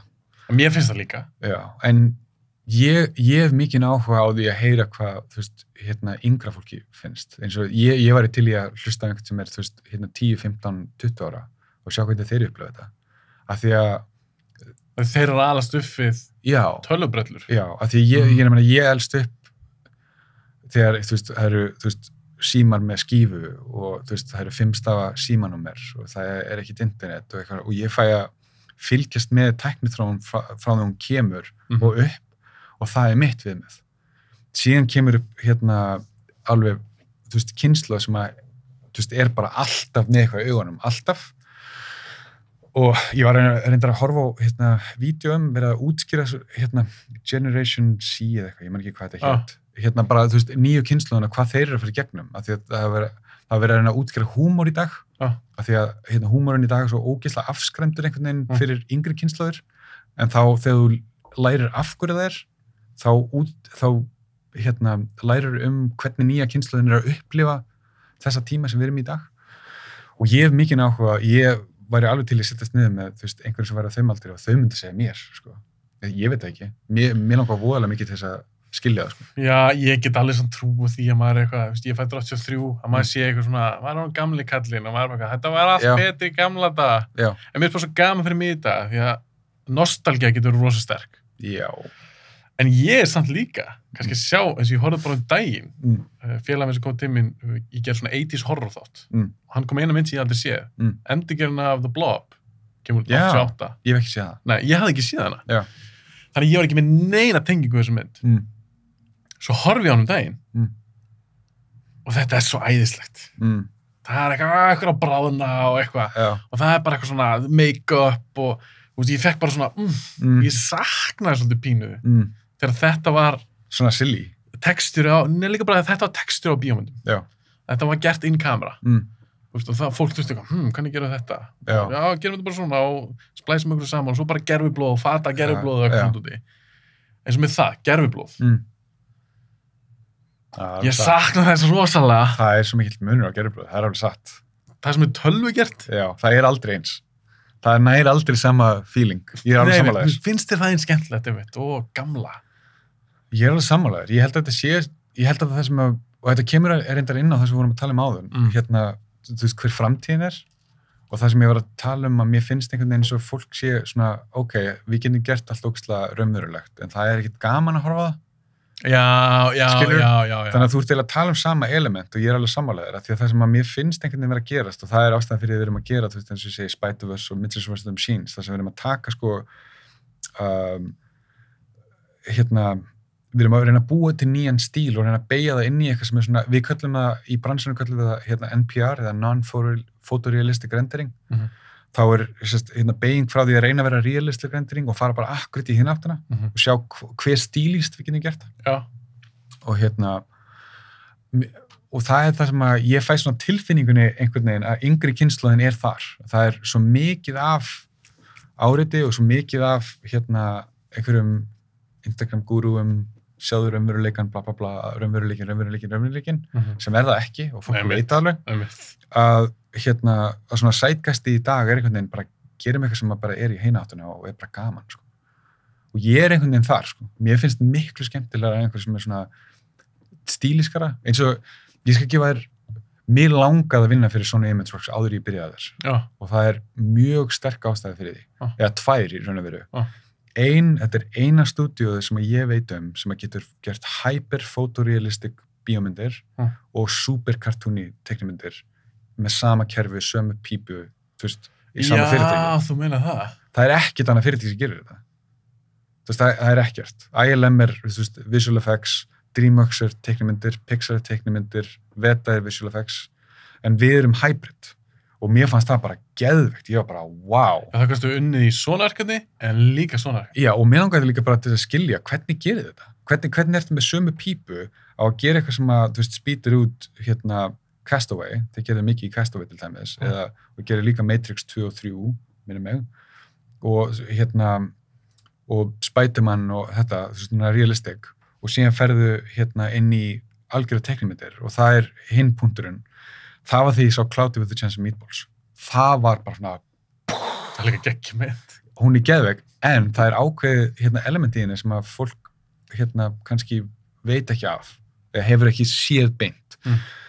hún braut svona reglu sem að ég sælæri í skóla þegar ég var að koma af því að myndin kemur út eða á sama tíma og ég er að útskrifast Mm -hmm. hérna þegar þú varst að læra svona CG animation Já, þá læriður að passa upp á að vera alltaf með einhverja hreyfingu af því að annars myndi það finnast eins og að væri ókslega skrítið eitthvað. Ah. Þú veist, þannig að þú veist, það var með karakter hérna, þú fristir hann aldrei í ramma. Ah. Þú varst alltaf einhverja- einhverja hreyfingu. Já, alltaf einhverja hreyfingu, hvað er eðlileg hreyfing, alveg þú væri með, þú veist, þú horfur á hérna gamlu Toy Story eða allt í Pixar þú var alltaf einhver hreyfing. Ah. Síðan kom Cloudy var bara eitthvað, fuck it, bara limited animation. Þannig að besta dæmi sem að ég, þú veist, bend alltaf á, og horfir á hérna horfir á hann hérna flint vera hérna setja sardinudósir Mhm. og hann stendur bara svona og það er verið að emphasisa hvað hann þólir ekki hvað hann er að gera. Þannig að hann stendur bara stjarfur og það eina sem að færist er bara hendin. Allt annað er bara frosið. Hann bara, já í og þetta hefði aldrei verið gert, áður. Þetta var bara eitthvað svona mindblowing. Og á sama tíma voru riggin sem að voru hérna gerð hjá Sony þannig að þú gætt gert alveg super cartoony animation, þú gætt alveg blanda handleikin þannig að það væri bara þú veist eins og einhver slanga og þú veist gert alls konar skrýtnar heimingar og gert andliti alveg ógeðslega cartoony þú veist og þetta var, fyrir mér var þetta bara wow, þetta er það sem ég vil gera sko. þá, já, En, en áhugavert að því að Lord of Miller gerur Cloudy og þegar við The Chance of Meatballs og gerur náttúrulega líka Spider-Verse. Þess vegna hefði ég viljað sjá Star Wars solo myndina já, og ég fór nær mæknum til að leggja áherslu á það af því að mér varst það bara einn mesta synd ever. Þetta var lán í hólunni fyrir okkur. Nú meinar þá, Þeir komu til okkar út af þessu. já þeir gerðu Spider-Verse en það ekki eftir Já. að það Þeir klikkaði. komu beint eftir það. Þannig að ég held líka að þeir hafi verið með svona smá point to prove eftir það. Finnst mér, ég veit þeir eru. Já, já. Ég, ég, það er bara... Ég veit eitthvað það bara sem þín, þín sko, Já, já, bara mín- þín kenning. að- Já, en þess vegna finnst mér eins og þeir hafi verið bara, þú veist, ok, gerum eitthvað bara geðvikt. Djúvel samt fyndi þá að því að Spider-Verse einmitt vært svo geðveik aðtegli. Unnum Óskarinn og Golden Globe og eitthvað fleira, sko. Já, einmitt. Og þú veist, gaggarindu fílaði hana, áhörundu fílaði hana, Mm ef við skiptum yfir í solo, Já, veist, á þess ég er líka að drölla yfir hana, eh, come on. en þú veist, hver, að- hver er að tala um hann í dag? Já, Engin. já, En ég bara hefði svo viljað sjá hvað þeir voru með huga. Já. Að því að einhver gætt gert, gert mig spennta fyrir einhver svona Han Solo príkulmynd sem ég varst bara slæm hugmynd bara frá byrjun, mm þá verða það samt þeir tveir. Já. Það er ekkert að selja með það, en bara, hvað ætla Lord of Miller að gera með Solo? ég veit það.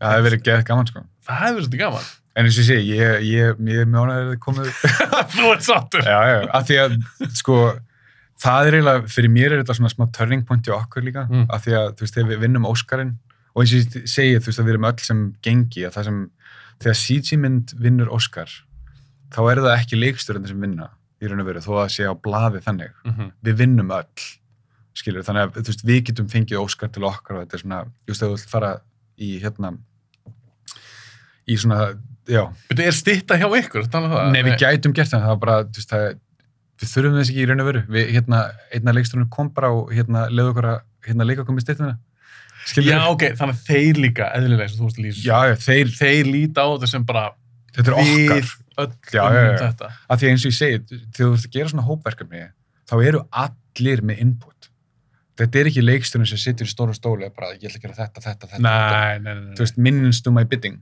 þetta er meira, þetta er samstarf millir allra, þannig að þegar þú ert með leikstjóra þá er hann ekki, hann gefur græntlu sem þú segir en það er ótrúlega mikið einstaklingsframlög sem er í gangi, eins og þú veist hann var ekkit að, þú veist, ákveða það að ég ætti að gera þetta kerfi fyrir animator að búa til auka limi, til dæmis Mhm. skilur það er eitthvað sem bara gerist í kerfinu þar sem að fólk er bara, hei cool, hvernig getum við gert eitthvað meira kreatív og þú veist, það hjálpast allir að búa til alls konar svona dót, sko. Við, þú veist, við umturnuðum pípunni fyrir þessa mynd, algjörlega sko, og ég get ekki sagt eitthvað mikið við bara svona afskræmdum hana því við vorum bara að gera hluti sem við höfum aldrei gert áður.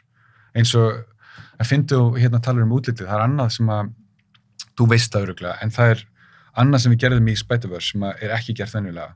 Við notuðum hérna stílinn af traditional animation með CG animation. Mhm. þannig að það þýðir að við gerum það sem kallast stepped animation þá animatum við á 12 römmum Mhm. og síðan líka á 24 römmum og við blöndum því saman hérna með við hvað við erum að reyna að segja þannig að eins og go- gott dæmi um það er þegar hérna þegar Miles og hérna Peter er að fara frá rannsóknastofnir og nýbúin að stela töskunni Mhm. og eru síðan að, þú veist, svi- hérna, sveiflist að trjánum, horfðu á þetta aftur og sjáðu að einn er í stepped animation og einn er splind, eða þess að kalla splind sem er 24 ramar. Mhm. Og það er bara til þess að sína að, þú veist, annar var bara, þú veist, hann kunni ekki það sem hann var að gera, Miles var bara að Það er læra. Miles. Já, Já. og síðan er hérna Peter.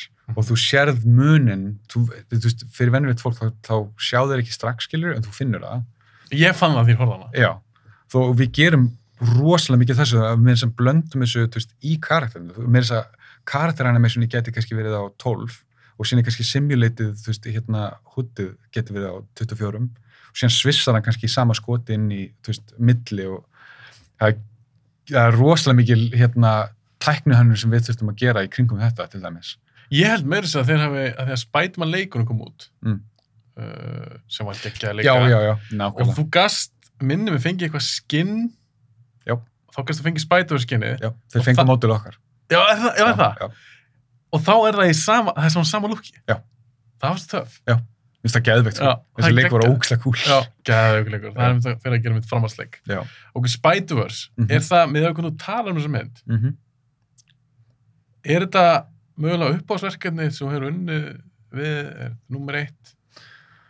Nei. Stolt, stolt, stoltastur af þessu? Nei, í raun og veru ekki. Um, Áttu eitthvað svo leiðis? uh, mér finnst svona út af við finnst mér skemmtilegast að tala um það því að fólk veit hvað það er og líka það, þú veist, að þegar maður getur dilt mynd með sér, þú veist, haldandi á Oscar og haldandi á, hérna, á Golden Globe með leikstjórunum og við erum allir að, þú veist, leika okkur. Mhm. Að þá út af við er útrúlega gaman að tala um það og ég gerir það sérstaklega ekki upp á mitt ego, að því að, þú veist, ef þú vinnur í þessu þá er þetta bara eðlilegt, skilur En fyrir fólk út af við þá er þetta gett cool.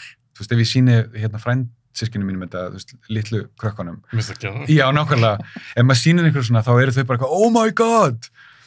En hérna, það er meira upp á það að ég er að reyna að fá fólk til að, þú veist, fá innblástur og gera þetta sjálf. Það er sko, ekki bara, heyrðu, þú gerir það sem ég er að gera, heldur það bara, það er hægt að gera fullt af hlutum. Ég, ég get sagt það, þegar ég byrjaði Mhm.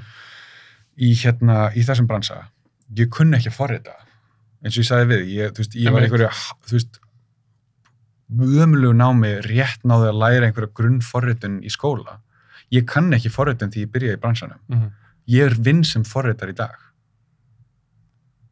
Já, Helgi, menn þú ætlar að vera tónlistamæður. Já, ég er að segja það. Já. Þannig að, þú veist, það er ekki, sko, hva- hvað maður að segja, þú veist, hérna, aim for the, aim for the sun and land on the moon, það Mhm. er sagt. Mhm. Skil, þetta er bara, mér langar til þess að, hérna, ef að ég get, geta verið innblástu fyrir einhver fleiri til þess að fatta að það er miklu meira sem hægt er að gera heldur en þú heldur. Það er alls konar að vinna til. Já, já, ég, meni, ég fór í gegnum það sem eldskýrna að ég tók bara áhættu og síðan var ég bara, hvað er ég að gera með þér? Þú veist, ef ég hefði ekki verið búin að setja peningin í þetta, þá hefði ég hugsað til þess, sko. Mhm. En það er að, að einhvern veginn taka þessa efasemdaröttur í heilanum að þér, ítaði með þessi burtu og bara gera eitthvað. Bara talaði við fólk, hafðu samband, fólk má alltaf hafa samband við mig, það eru fullt af frandfólki og, og hérna og kunningum sem að, þú veist, eru, hörðu, hérna með einhverja dóttur sem er að, þú veist, spá í þessu, er í lagi að hún hafi samband? Og ég er alltaf bara, já, og síðan skal, þú veist, ég er alveg til að hjálpa öllum að reyna að segja þeim hvað að gera og benda þeim á og svoleiðis. Og síðan geta þau kent mér, ég sé það þannig. Og Finnst þér ungd fólk hafa í dag mikið áhuga þessu? Mér finnst það, ég er að koma nær og sérstaklega út af blendera, því að þegar maður er með blender Mm. sem er svo ótrúlega aðgengilegt, það er frítt það er ótrúlega mikið góðu hérna kennsluefni, það sem þú getur bara setið heimahöður og lært sko og það tekur ekki mikið vélarafl með það sem þú ferð skilur í dag, Já, þú þarft ekki einhverja stjarðfræðilega dýra vél eða eitthvað að keira það fórhættu. nákvæmlega og þannig að þetta er miklu nær þannig að ég get, eins og ég var ég man ekki talaði við einhverja stelpu sem að var hérna frænka einhver sem að vildi byrja eitthvað svona Ah. Og þá, þú veist, spjöllum við bara í svona 20 minnur hálftíma sem ég var bara að segja, já, þú veist, hérna downloadaði blender, prófaði þetta hérna, pröfaði hérna þessa hluti þú veist, gaf henni nokkra punta bara til þess að prófa og sagði henni bara, strax þú finnur áhuga fyrir einu af þessu, þá getur þú farið þessa leið og getur látið mig vita, ef, þú veist, ef þú stoppar einhverstað og vantar meiri upplýsingar þetta er miklu meira um hérna, mann sjálfan að gera eitthvað Mhm. ég get ekki, veist, eins og ég segi opna kúpuna þér, sett einhverju upplýsingar inn lokað og sagt, gerðu þetta, Mhm. það virkar ekki þannig þetta er miklu meira veist, að, að læra að vera innblástur og ég er að reyna að gera það þess segi ég já við að kenna til dæmis mm. -hmm. ótrúlega gaman að við, við erum búin að ráða tvo úr hérna fyrsta pekningi mér hjá Sony sem er Nei. ógæslega gaman sko þetta, þú veist, hérna grunnstöður það er ógæslega gaman að sjá sko þetta gerist þegar maður næra þú veist, hérna blása inn einhverju En þá langum við að spyrja út í eitt, en þú talar eins um það bara ánum byrjum að taka upp. Já. Að vinna eins og hjá Sony, Já. En kannski búa á Íslandi. já, Er must að flytja út? ú eldfim spurning þetta er góð spurning En það er must að flytja út. ég meina fyrir mig ég var að flytja út, já að því að hérna já, við, við kliftum út smá part af sögunni, sko, þegar ég er í Vancouver Film School Mm. þá kláraði ég, eins og ég segi, ég Já, útskrifaði við glindum að Já, ná- komur á það. nákvæmlega, ég skal, gefa leikilinninni hvernig ég detti í þetta Mm -hmm. það eru hérna, name drop sem ég þarf að gera uh, sem sagt ég klára School útskrifast með heiðri Mhm. en er samt einhvern veginn ég, við finn mig ekki alveg til sko, og þá er önnur hérna uh, annar bekkur sem að kallast hérna character, an- character animation sem var bara að fókusa bara á character animation Já. og hérna og það var núna vinnur minn Greg Barrett sem að hérna kerði þá dild Já. og ég startaði þar og sama tíma var ég samt svona að kíkja á hvað maður getur verið að vinna og ég vissi að það var fyrirtæki hérna á Íslandi sem er kallað, kallaðist Chaos og búin að gera litlu lirfurinn og ljótu Já, já, já, og, einmitt. og eitthvað annað sem að ég man ekki hvað hittverkinu var Gerðu ekki um Þór líka? það er myndið sem að ég enda á sko. af því að uh, ég ringi í Chaos og tala við Hilmar Sigursson Ah. Og hann er eitthvað, jú, við erum að reyna að fjármagna hérna verkefni og þú veist, strax og við fáum það þá þurfum við að fá fólk inn þannig að hafðu bara, þú veist, samband og hérna, við sjáum hvernig það fer Mm. ég ég man ekki hver oft ég, ég sendi hann skilabóð of oft, ég gerði það viljandi ég var bara, hvað segir Hilmar hérna, hver- hvernig er staðan? Mm. hann bara, já, við erum ennþá að vinna í þessu bara, svona, hafa bara meira samband og hérna, síðan um leið og hann fær fjármagn, Já. þetta var tvo mánuð inn í hérna, inn í nýja klassan, þá segir hann, heyrðu, við erum komið með fjármagn, viltu ekki bara koma og vinna Já. ég bara, jú pakka öllu og hérna, hætti í bekknum og hérna kem aftur til Íslands Mm. þannig að hann, Hilmar Sigursson er eiginlega sá fyrsti sem að gefa mér tækifæri alveg frá grunni og hann á, ég þarf alltaf að gefa honum stórt kredit fyrir það ég meina hann er að taka bara eitthvað krakk úr skóla sem er bara nýbúin að hérna læra þetta Mm -hmm. af því að það er út frá því og hann vissi það ekkert á sínu tíma skilur, en það er út frá því sem að ég bara fæ endalur svona eldmóð af því að allt í hennu er ég að koma tilbaka Mm. sit út á Granda þá er þetta það sem að CCP var líka Já. Granda skjól held ég heiti sitandi með, þú veist, öðrum hérna, öðru fólki á Íslandi sem hefur verið að gera þetta Ah. Gunnar Karlsson var þarna líka sem að er heila svona hönnuðurinn af flestu myndlefni og mér fannst ég bara, ég þurfti bara að sanna mig sko. mér, mér leið bara þannig þannig að ég eitti öllum mínútum í bara að vera, ég verð bara að gera það besta sem ég get Mm. Sem að endaði þannig að ég ótrúlega að segja sko, ég hafði aldrei ég hafði rikka karakter í hérna öðru forriti, tvísvar Mhm. og ég bara lærði það að ég var að gera þannig ég endaði á því að rikka alla karakterina nema einhver tvö dýr Mm. á allir í þórmyndinni Var hann í fullri lengt? þetta Þetta var, var alveg stór með. já, já, já, þetta, Hilmar er alveg svakalegur að hafa í raun og veru fjármagna þessa mynd af því að það er, þegar maður horfður tilbaka núna, þú veist, ég tók því aðeins of mikið sér sjálfsögðu að þetta væri hægt að gera þetta, þegar maður horfður tilbaka að hann hafi, þú veist, náða koma þessu öllu saman, þú veist, á þann hátt að geta komið út bíómynd á Íslandi, framleitt á Íslandi mest megnis. Já, var hann eiginlega öll unnin hér? Já, já, það eru voru þrjú önnu stúdíu sem unnu með okkur, Já. sem unnu mest megnis bara animation, af því við vorum ekki með, nóg mikið animatorum. Þá vorum við með stúdíu í Finnlandi, tvær skrifstofur í Þísklandi og stúdíu í hérna uh, Írlandi. En, en, en sérst, klárar þá sérst, þessa mynd Mm. og ferði síðan til Sony? Nei, ég sérst, hérna, eins og ég segi, ég er hjá, ég er á Þór, við Já. gerum hérna hetjur vallar, klárum það, ég held að við tök, tókum tvö ár akkurat frá því ég byrjaði þannig að við kláruðum Ah. og í raun og veru hérna það er ógeðslega erfitt að fjármagna svona mynd og eins og ég segi, það er eiginlega bara ævintýri að að Hilmar hafi náði að gera það Mm. skilur það er alveg, þú veist, kredit fyrir hann að hafa náði saman. Og það er ekkit þú veist, sjálf gefið að þú getur bara fjármagna aðra mynda með þú ert að gera heina það bara er ekki þannig. Þannig að það leistist upp í raun og veru. Mm -hmm. skilur þú ert búin að búa til alveg húki batteri þetta er svona eins og segjum að þú ert að búa til þú veist, þú veist, stóra byggingu þú þarft stóran krana og þú þarft stóra Mhm. vinnuvílar og allt þetta þú kaupir þetta allt inn, gerir verkefni og sem ertu búið með bygginguna, hvað gerir við vélarnar Já, já, einmitt. og að því skapinu er, þú veist, er ég vélinn og einhver annar vélinn þú veist, og þannig að flestir sem að voru að því verkefni þurftu bara að finna aðra vinnu, skilur Mm -hmm. það var ekki peningu til þess að gera annað verkefni strax þannig að stúdíu sem við unnum með í Írlandi þeir voru, herðu, við erum að klára mynd getur hún okkur hjálpað okkur Mm. og þeir settu með hérna þeim, þeir sögðu því mantaði einhvern til að koma í þrjá mánuði að hjálpa þeim að ja, sérst, klára myndina. Já. ég enda á að vera alveg nýjum mánuði. Ég var síðasti maður út af því að þeir vissi ekki að þeir virt, þurftu með þetta mikið. Þeir, þurftu, þeir voru ekki neina pípu. Og þetta er í raun og verið það sem ég mótast yfir í að læra svona pipeline Já, af því ég sá bara í vinnuferðinu þeirra bara, wow, ok. Þe- þeir fengu hérna hvað er hérna íslenska heiti sequences og shots. Mhm. Það eru skot og senur. Já. ok, sérst færð fæla Mm. að þá voru þeir að fá fæla fyrir hérna senur en ekki fyrir skot. Og þeir voru síðan að deila því á milli animatora sem er bara húki heavy einhvern veginn að vinna í skoti en samt með alla senuna.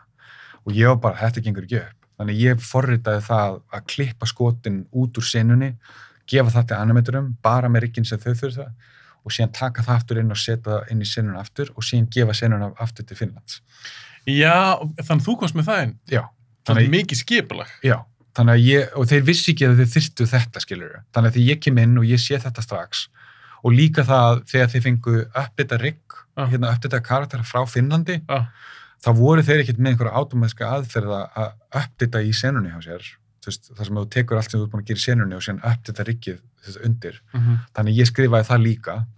Þannig ég fór að gera fullt af veist, vinnuferlum sem ég sá bara að þurft að gera. Þú varst kannski tölvöld verðmættir að þeir reiknuðu með.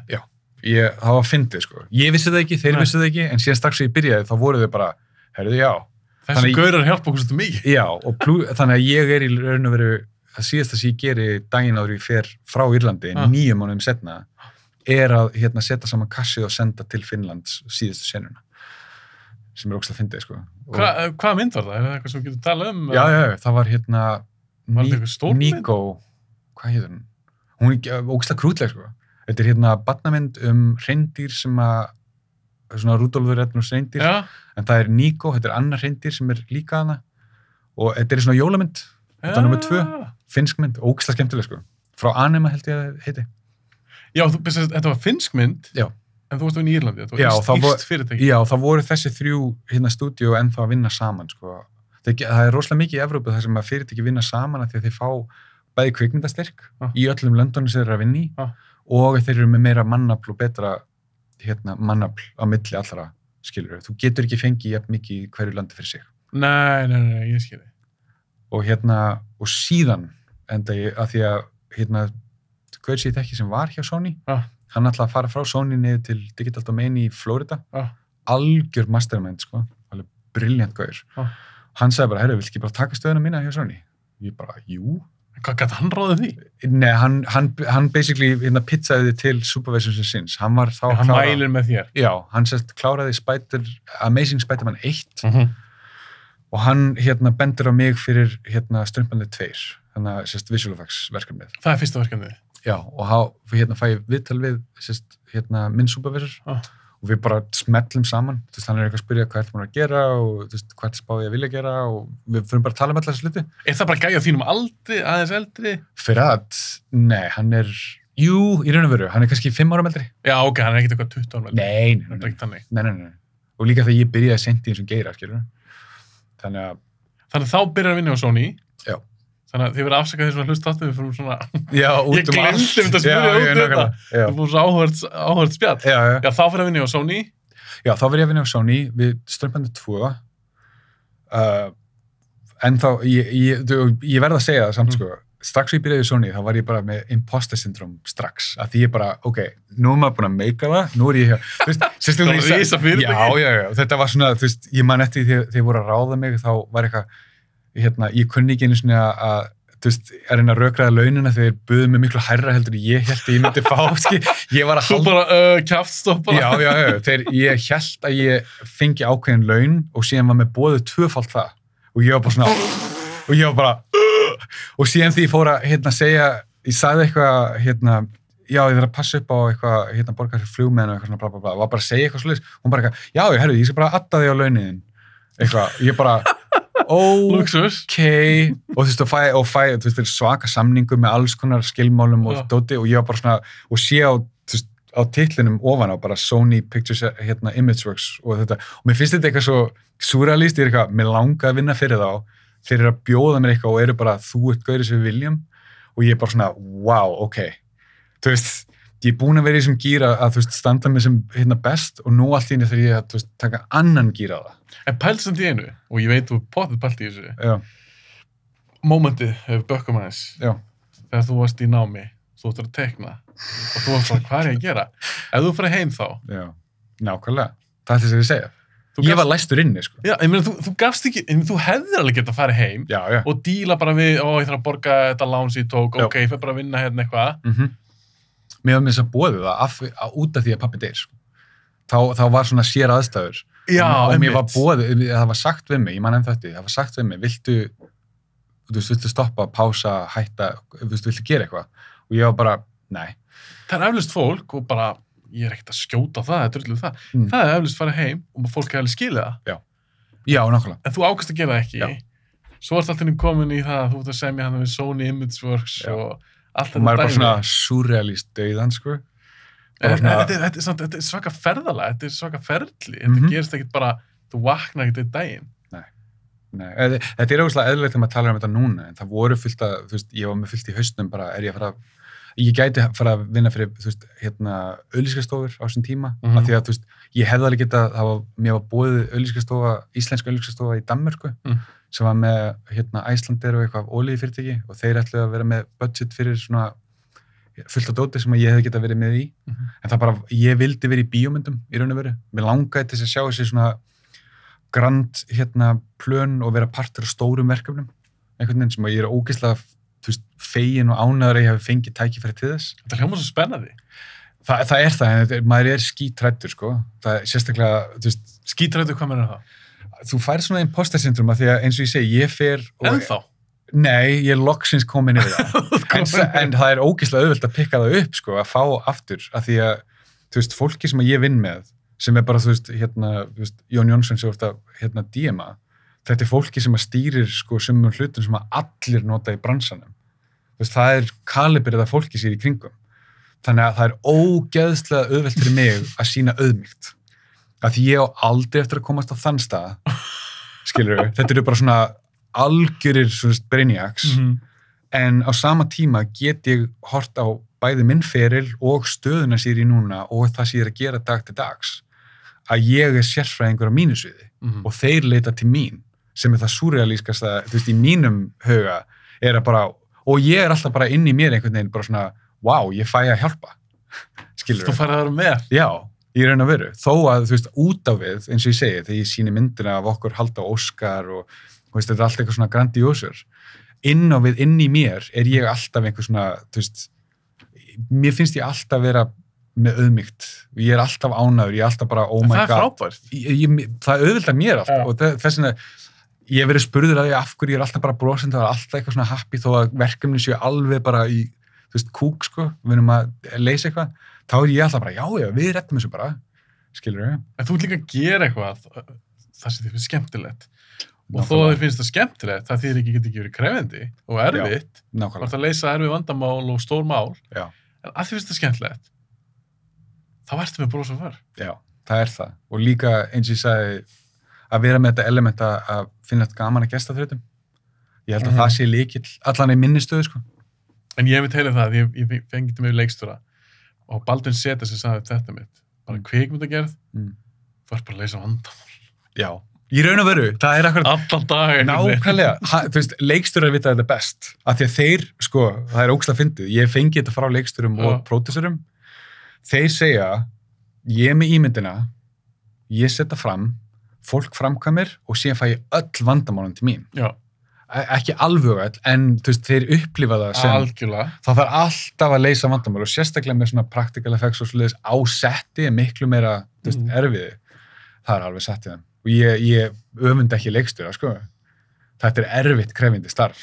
Þetta hljómar bara að mér fannst, ég var með svona, hvað ég segi, eitthvað ákveðna drauma sín á þessu starfi. Já. Bara maður horfa, ég er búin að kvikmynda á maður sem ég var bara krakki og Mm -hmm. maður búin að horfa miljón eitthvað behind the scenes og maður bara, wow, hei, geggja, þetta er úrslega spennandi, djöðlang maður að gera bíómynd, maður er leikstjóri. Svo því fór að tala við leikstjóra. Þá bara... Ég fekk bara kvíða. Já, já, já, nákvæmlega. Ef þú getur ekki díla við kvíða, þá ertu ekki leikstjóri. sko. ég komst að því, já. bara, að ég hann að skrifa, ég ok, ég var til að skrifa bíómynd. Mm. En ég get líka gert það heima, Jöp. svo get ég bara svona, þú ert leikstjórinn, hérna, gerð þetta, gerð þetta. Já, já. En að vera leikstjóri á set og allt þetta dót, Já. þú veist, ég bara, Eða framleyslustjóri eða... Þetta er... Það er ekki fyrir alla. Ég, það er líka það sem þú lærir í þessu bransa er að þú lærir hægt og bítandi hvaða er sem þið langar að gera á meðan þú ert í bransanum og kannski hvað henda þér best, eða, Já, af því þú sér að ég ég fer í skóla alltaf að gera myndlist við tónlist. -hmm. Ég enda á því að halda ég, mér langar til að gera animation. Síðan endaði ég á því, jú, ég glemd að segja það líka, að í skólanum þá færði sex mánuði til að læra Já. og síðan eru sex mánuði til að gera lokaverkefni Já. með hérna hjálp. Ég notaði tvo mánuði í lokaverkefnið og hinir fjórir fóru í að hjálpa öllum öðrum með tæknavandamál. Nei. af því að mér fannst það svo geðveikt gaman það var einhver, þú veist, ég manna einhver að animate einhver, hérna, hjálm á einhverjum, þú veist, hérna rigg sem á með Ah. og var ekki að virka nógu vel og ég var bara eitthvað, ok, hvernig leysum við þetta? Og sama og ég var að gera þetta við fullt, af fólki og Þau var bara, gaman að hjálpa fólki. já. Og ég vissi ekki að það var eitthvað sem að væri starf, skilur þannig að ég var bara eitthvað, kom út úr skóla og var bara eitthvað, ok, ég bara genera, generalistið eitthvað Ah. og, og Hilmar, hérna, gefur mér þetta tækifæri. Og síðan vanta bara einhvern til þess að, hérna, að því þið voru að spá í að kaupa, hérna, svona autoryggar Mhm. og ég var bara eitthvað, ég læri þetta bara.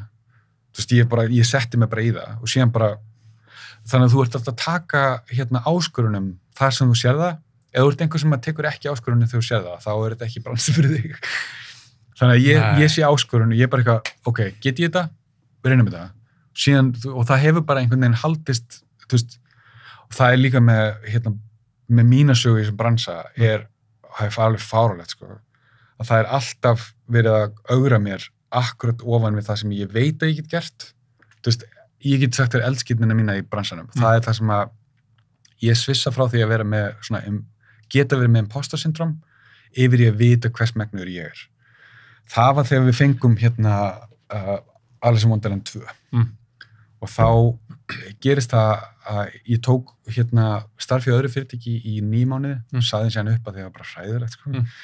ég hérna kom aftur og fór síðan að vinna uh, við hérna Alice in Wonderland 2 Mm.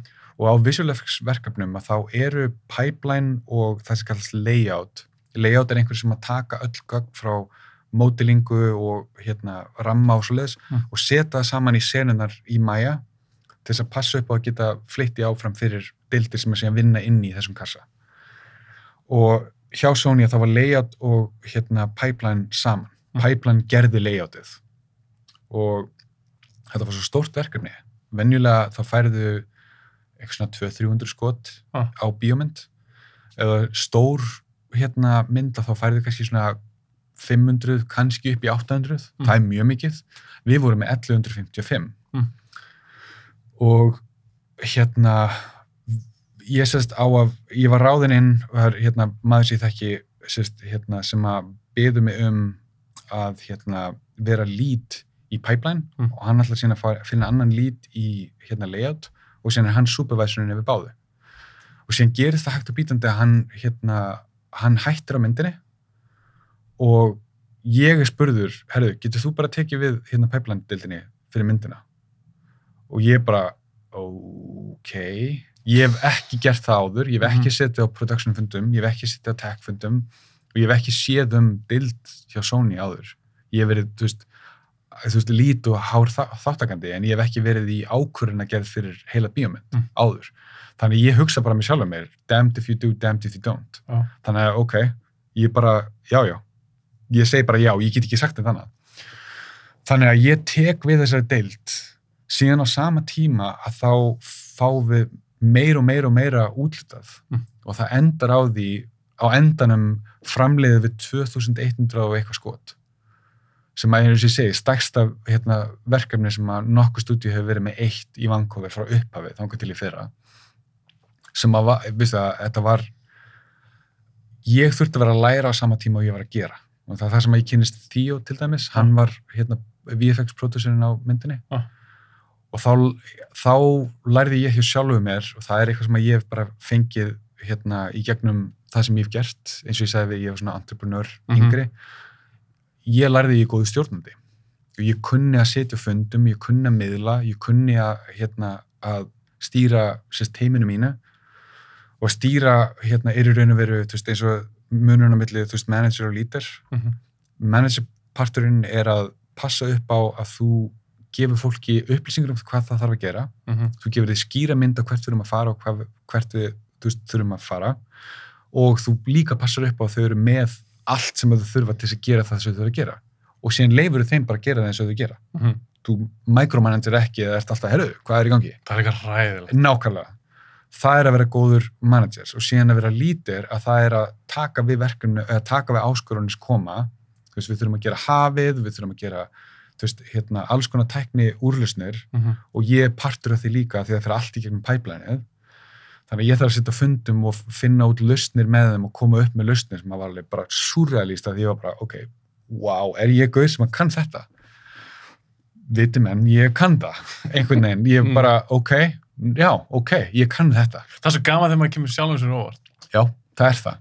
Af því ég var, og þetta er á sama tíma, ég er að gifta mig og þetta er á sama tíma og ég er að hérna, gera hérna, permanent residency hérna, umsóknum mína og þetta, þetta var bara svona svakalegu tími. En er, ekki, er, er það ekki trættu við að ég, ég sjálfur persónulega reynslaði Mm. að fá smá svona burnout bara, Nei, ég, ég, veit, ég held að, ég hef spurt sjálf með því. ah, Það er í raun og veru ekki fyrir, bara fyrir tveimur árum sem ég er að, kannski að vakna upp að þessu vinnumóki í raun og veru og maður er að, þú veist, fatta, herðu, já, maður er búin að, þú veist, þetta íslenska orðatak meika það einhvern veginn, já. maður er með góðan feril, þú veist, góða konu, gott líf, gott umhverfi og allt þetta. mm Nei, ég hef ekki fundið fyrir börnum og ég held að það sé bara því að að maður er bara með eldmút því sem er að gerast. Er bara elskar þetta svo mikið. Já, já, ég að- jafn spennt fyrir öllum af þeim. Skilur, ég er ennþá bara, woohoo! Ok, ég verða að vara, ok, við fyrir bráma að slúta þessu. Já, já, Var þetta búið að vera ógeðslega skemmtilega. Sumulegis. Og ég svo fegin, það var engin, það var engin annar að taka upp eftir okkur. Þannig að Ég vissi, oftast er þetta svona cirka tveir tímar, Já, ég skilur. en ég leiði mér að fara aðeins lengra, það var svo gæðan. Erum við búin að vera inn í tvo tíma? Nei, við erum búin að vera inn í rúma þrjá. Sæll. Klukkan var hálf tvö, sko. Ok, flott, flott. En áðurnu hættum, Já. þá var ég bara að spyrja alveg í lókina. Þú talar um einmitt sjö verkefni og þetta er mikil vinna og eitthvað. Já. Er þetta bara svona hefbundin skrifstofu tím, að vinna, hvað ert að vinna mikið eins og dag? Færðu frí um helgar? Góð spurning. Ef þú ert ef þú ert á verkefni, eins og ég segi, ég er fastaðan hjá fyrirtækinu Já. og ég er partur af sest, Sony Imageworks núna, Mm sérst officially. Og það er, þegar þú ert partur af því að þá ertu með, ég veit ekki hvernig ég útskýra þú, þú ert partur af fyrirtækinu og þú færð hérna, já, ég, ég ætla bara að segja það þannig, það er, ég þarf að passa mig hvað ég segi, sko. En það þegar þú ert fastaðan þá ertu hluti af fyrirtækinu Mm og, en þegar þú ert á verkefni þá ertu verktaki. Um, Er það misend eftir verkefnum? Uh, hversu mikið þú vinnur? Já, hérna, geðu mér spurningun aftur. Ég er, ég, er, að- passa upp að hafa þráðin Já, réttan. ok. Og ég vil alls ekki að þú sérst að segja eitthvað sem mátt ekki segja. Nei, nei, nei, þess vegna er ég að passa með Já. heilanum. Ok, þannig ég beðli bara að spyrja, bara með vinnutíma. Já, vinnutími, serious. Já, Hversu mikið fríferðu? Ertu Ó. bara alltaf í vinnunni? nei. Þegar, þegar þú ert á verkefnum, þá getur það verið svona, þú færð svona, Þú eru tarnir. já, í raun og veru, í pipeline er það eins og öðruvísi að því þú ert í vinnuferlinu eins og, eins og hérna, ég skal gefa þér dæmi á emoji, þegar ég er á henni, Ah, þá er ég, ég byrja á myndinni þegar við erum 15 Ah. og fyndið hérna á endan myndinni þegar myndin er við erum, ég er búinn að koma úr hérna, þú veist, production rap partíinu. Ah. daginn eftir fæ ég skilabóð herðu, getur þú nokkuð retta okkur með þá, þá þurfti ég að endur animeta alla engangs myndavélina Sest, hérna, það er skoti emoji sem að byrjar bara í svona eins og í hérna geimnum. Já, fer síðan sér mólekúlur og eitthvað svona fleira og gerir alls konar svona, fer inn í síma og kemur síðan út og sér einhverja borg. Mm. þetta er alveg, 1600 rammar Já. kamera sem að, veist, þarf að animeta Já. og voru allir artistar farnir af myndinni. Mm. þannig að við vorum ekki layout fólk og við vorum ekki með animator og ekki neitt. Þannig að ég var beðin, herðu, getur hún eitthvað endur animeta þessa kameru? Við, það eru sömur þessu hluti sem er ekki að virka og hvað vantar að endur animeta þannig ég þurfti bara að setjast niður og endur animeta heila kameru í tvo daga. Að endarum á myndinni, þetta er síðasta sem að var gert sko hérna, þetta er fyndið sko. En varstu bara í tóta? Það hljómaður sem þú var okkur mánaða verkefni. Nei, animeta kameru, þú veist, þú ég er bara endur gera kameruna, þú veist, á aðeins öðru sér hátt í raun og veru, Ah, taka nokkar ákvarðanir til að passa upp að hérna fyttir tímalega, eða sérst, hérna já, tímalega, ah, það eru fullt af elementur sem þurfa að koma í gegn, það er tækni sem ég, það er erfitt að reyna að útskýra nema, þú- þú- þú- sína, Já, þú kallt Já, þetta og já, þú varst já. ekki talingja þessu. já þannig að hérna, í byrjun ertu bara 8 tíma dag, Mm. endanum ertu 8 tíma dag, en á milli getur þú farið upp í það 10-12 tíma dag því það tala um þessu í töluleikabransunum, að tala um svona crunch time. tölvuleikibransin er ömurlegur fyrir það Þú veist, maður hefur heyrt bara horror sögur. Já, ég myndi aldrei, ég hef búin að spurður um hvort ég myndi fara í tölvuleiki, ég sé alltaf nei. Svo með þess að tala um bara fyrir þá sem er að cruncha og þá er ekki að tala um kannski elituna, að toppa í einhverju stóru fyrirtækjum, Mm. Að veist, þetta er ekki eins og það vil borga. Það er ekki rétt. Er það ekki rétt? Nei, eh, sko, viðmið eh, væri það ekki vel borgað. Skilur, miða við einhvern annan eða miða við annar störfi eða miða við eitthvað. Þú getur, þú getur tekið báða póla á þetta. Annarkvort, hérna, þú veist, berðu þið við eitthvað og segir ég er ekki að fá nú mikið borgað eða þú berðu þið saman við eitthvað annað og segir ok, ég fæ vel borgað. Þannig að það er allir gangurinn af því, það fer bara eftir hvernig þú semur. Þú Ég- verður að passa upp á sjálfa þig, sko. Já, ég er líka bara, að það sem ég er alveg að hugsa um, jú, það auðvitað það er rétt, það fyrir eftir hvort að miða við, Mm. en ef við erum að miða við eins og þessi crunch time, og það sem þekkja það ekki, þá er þetta bara hardcore yfirvinna, það er eitthvað deadline, þið þarf að Mhm. klára eitthvað Mhm. og þá kannski er að vinna bara he- heppin eða fá frí á sunnudegi, bara eitthvað svona hardcore. Já. Að því tími Mm. er eitthvað sem þú getur ekki fengið aftur Já. og hann er svo mikilvægur. Já. Þannig að þú ert rosa mikið vinnunni Mm -hmm. og þú ert að setja svona mikið af þínu frítíma mögulega inn í svona verkefni. hvað sem það er að gera töluleika eða eitthvað annað og þú hugsa mér, wow, þetta er ekki þess virði maður, peningarnir, ég þurfti að fá aðeins meira þess að þetta verði þess virði Þess vegna er þetta allt upp á hvaða ástriðið hefur. Af því ég get sagt þér, hérna, ég fekk ekkert borga fyrir það, þú veist, þannig séð, Mm. en því ég var hjá Chaos, Mm. þá var, var ég búin að, þetta var þegar hleðsla kom út, þannig að drikkurinn, Já. ég var búin að búið til drikk sem að var sko hleðsla og tvö, hérna, espresso skott Já. og ég var að drekka þetta kannski sjö um kvöldið, af því að, af því að ég vildi passa upp á að Já. tveir megin karakterinnar væru bara með ákveðið mikið hérna, svona flexibility með hvernig hægt er að animata þá. Mm.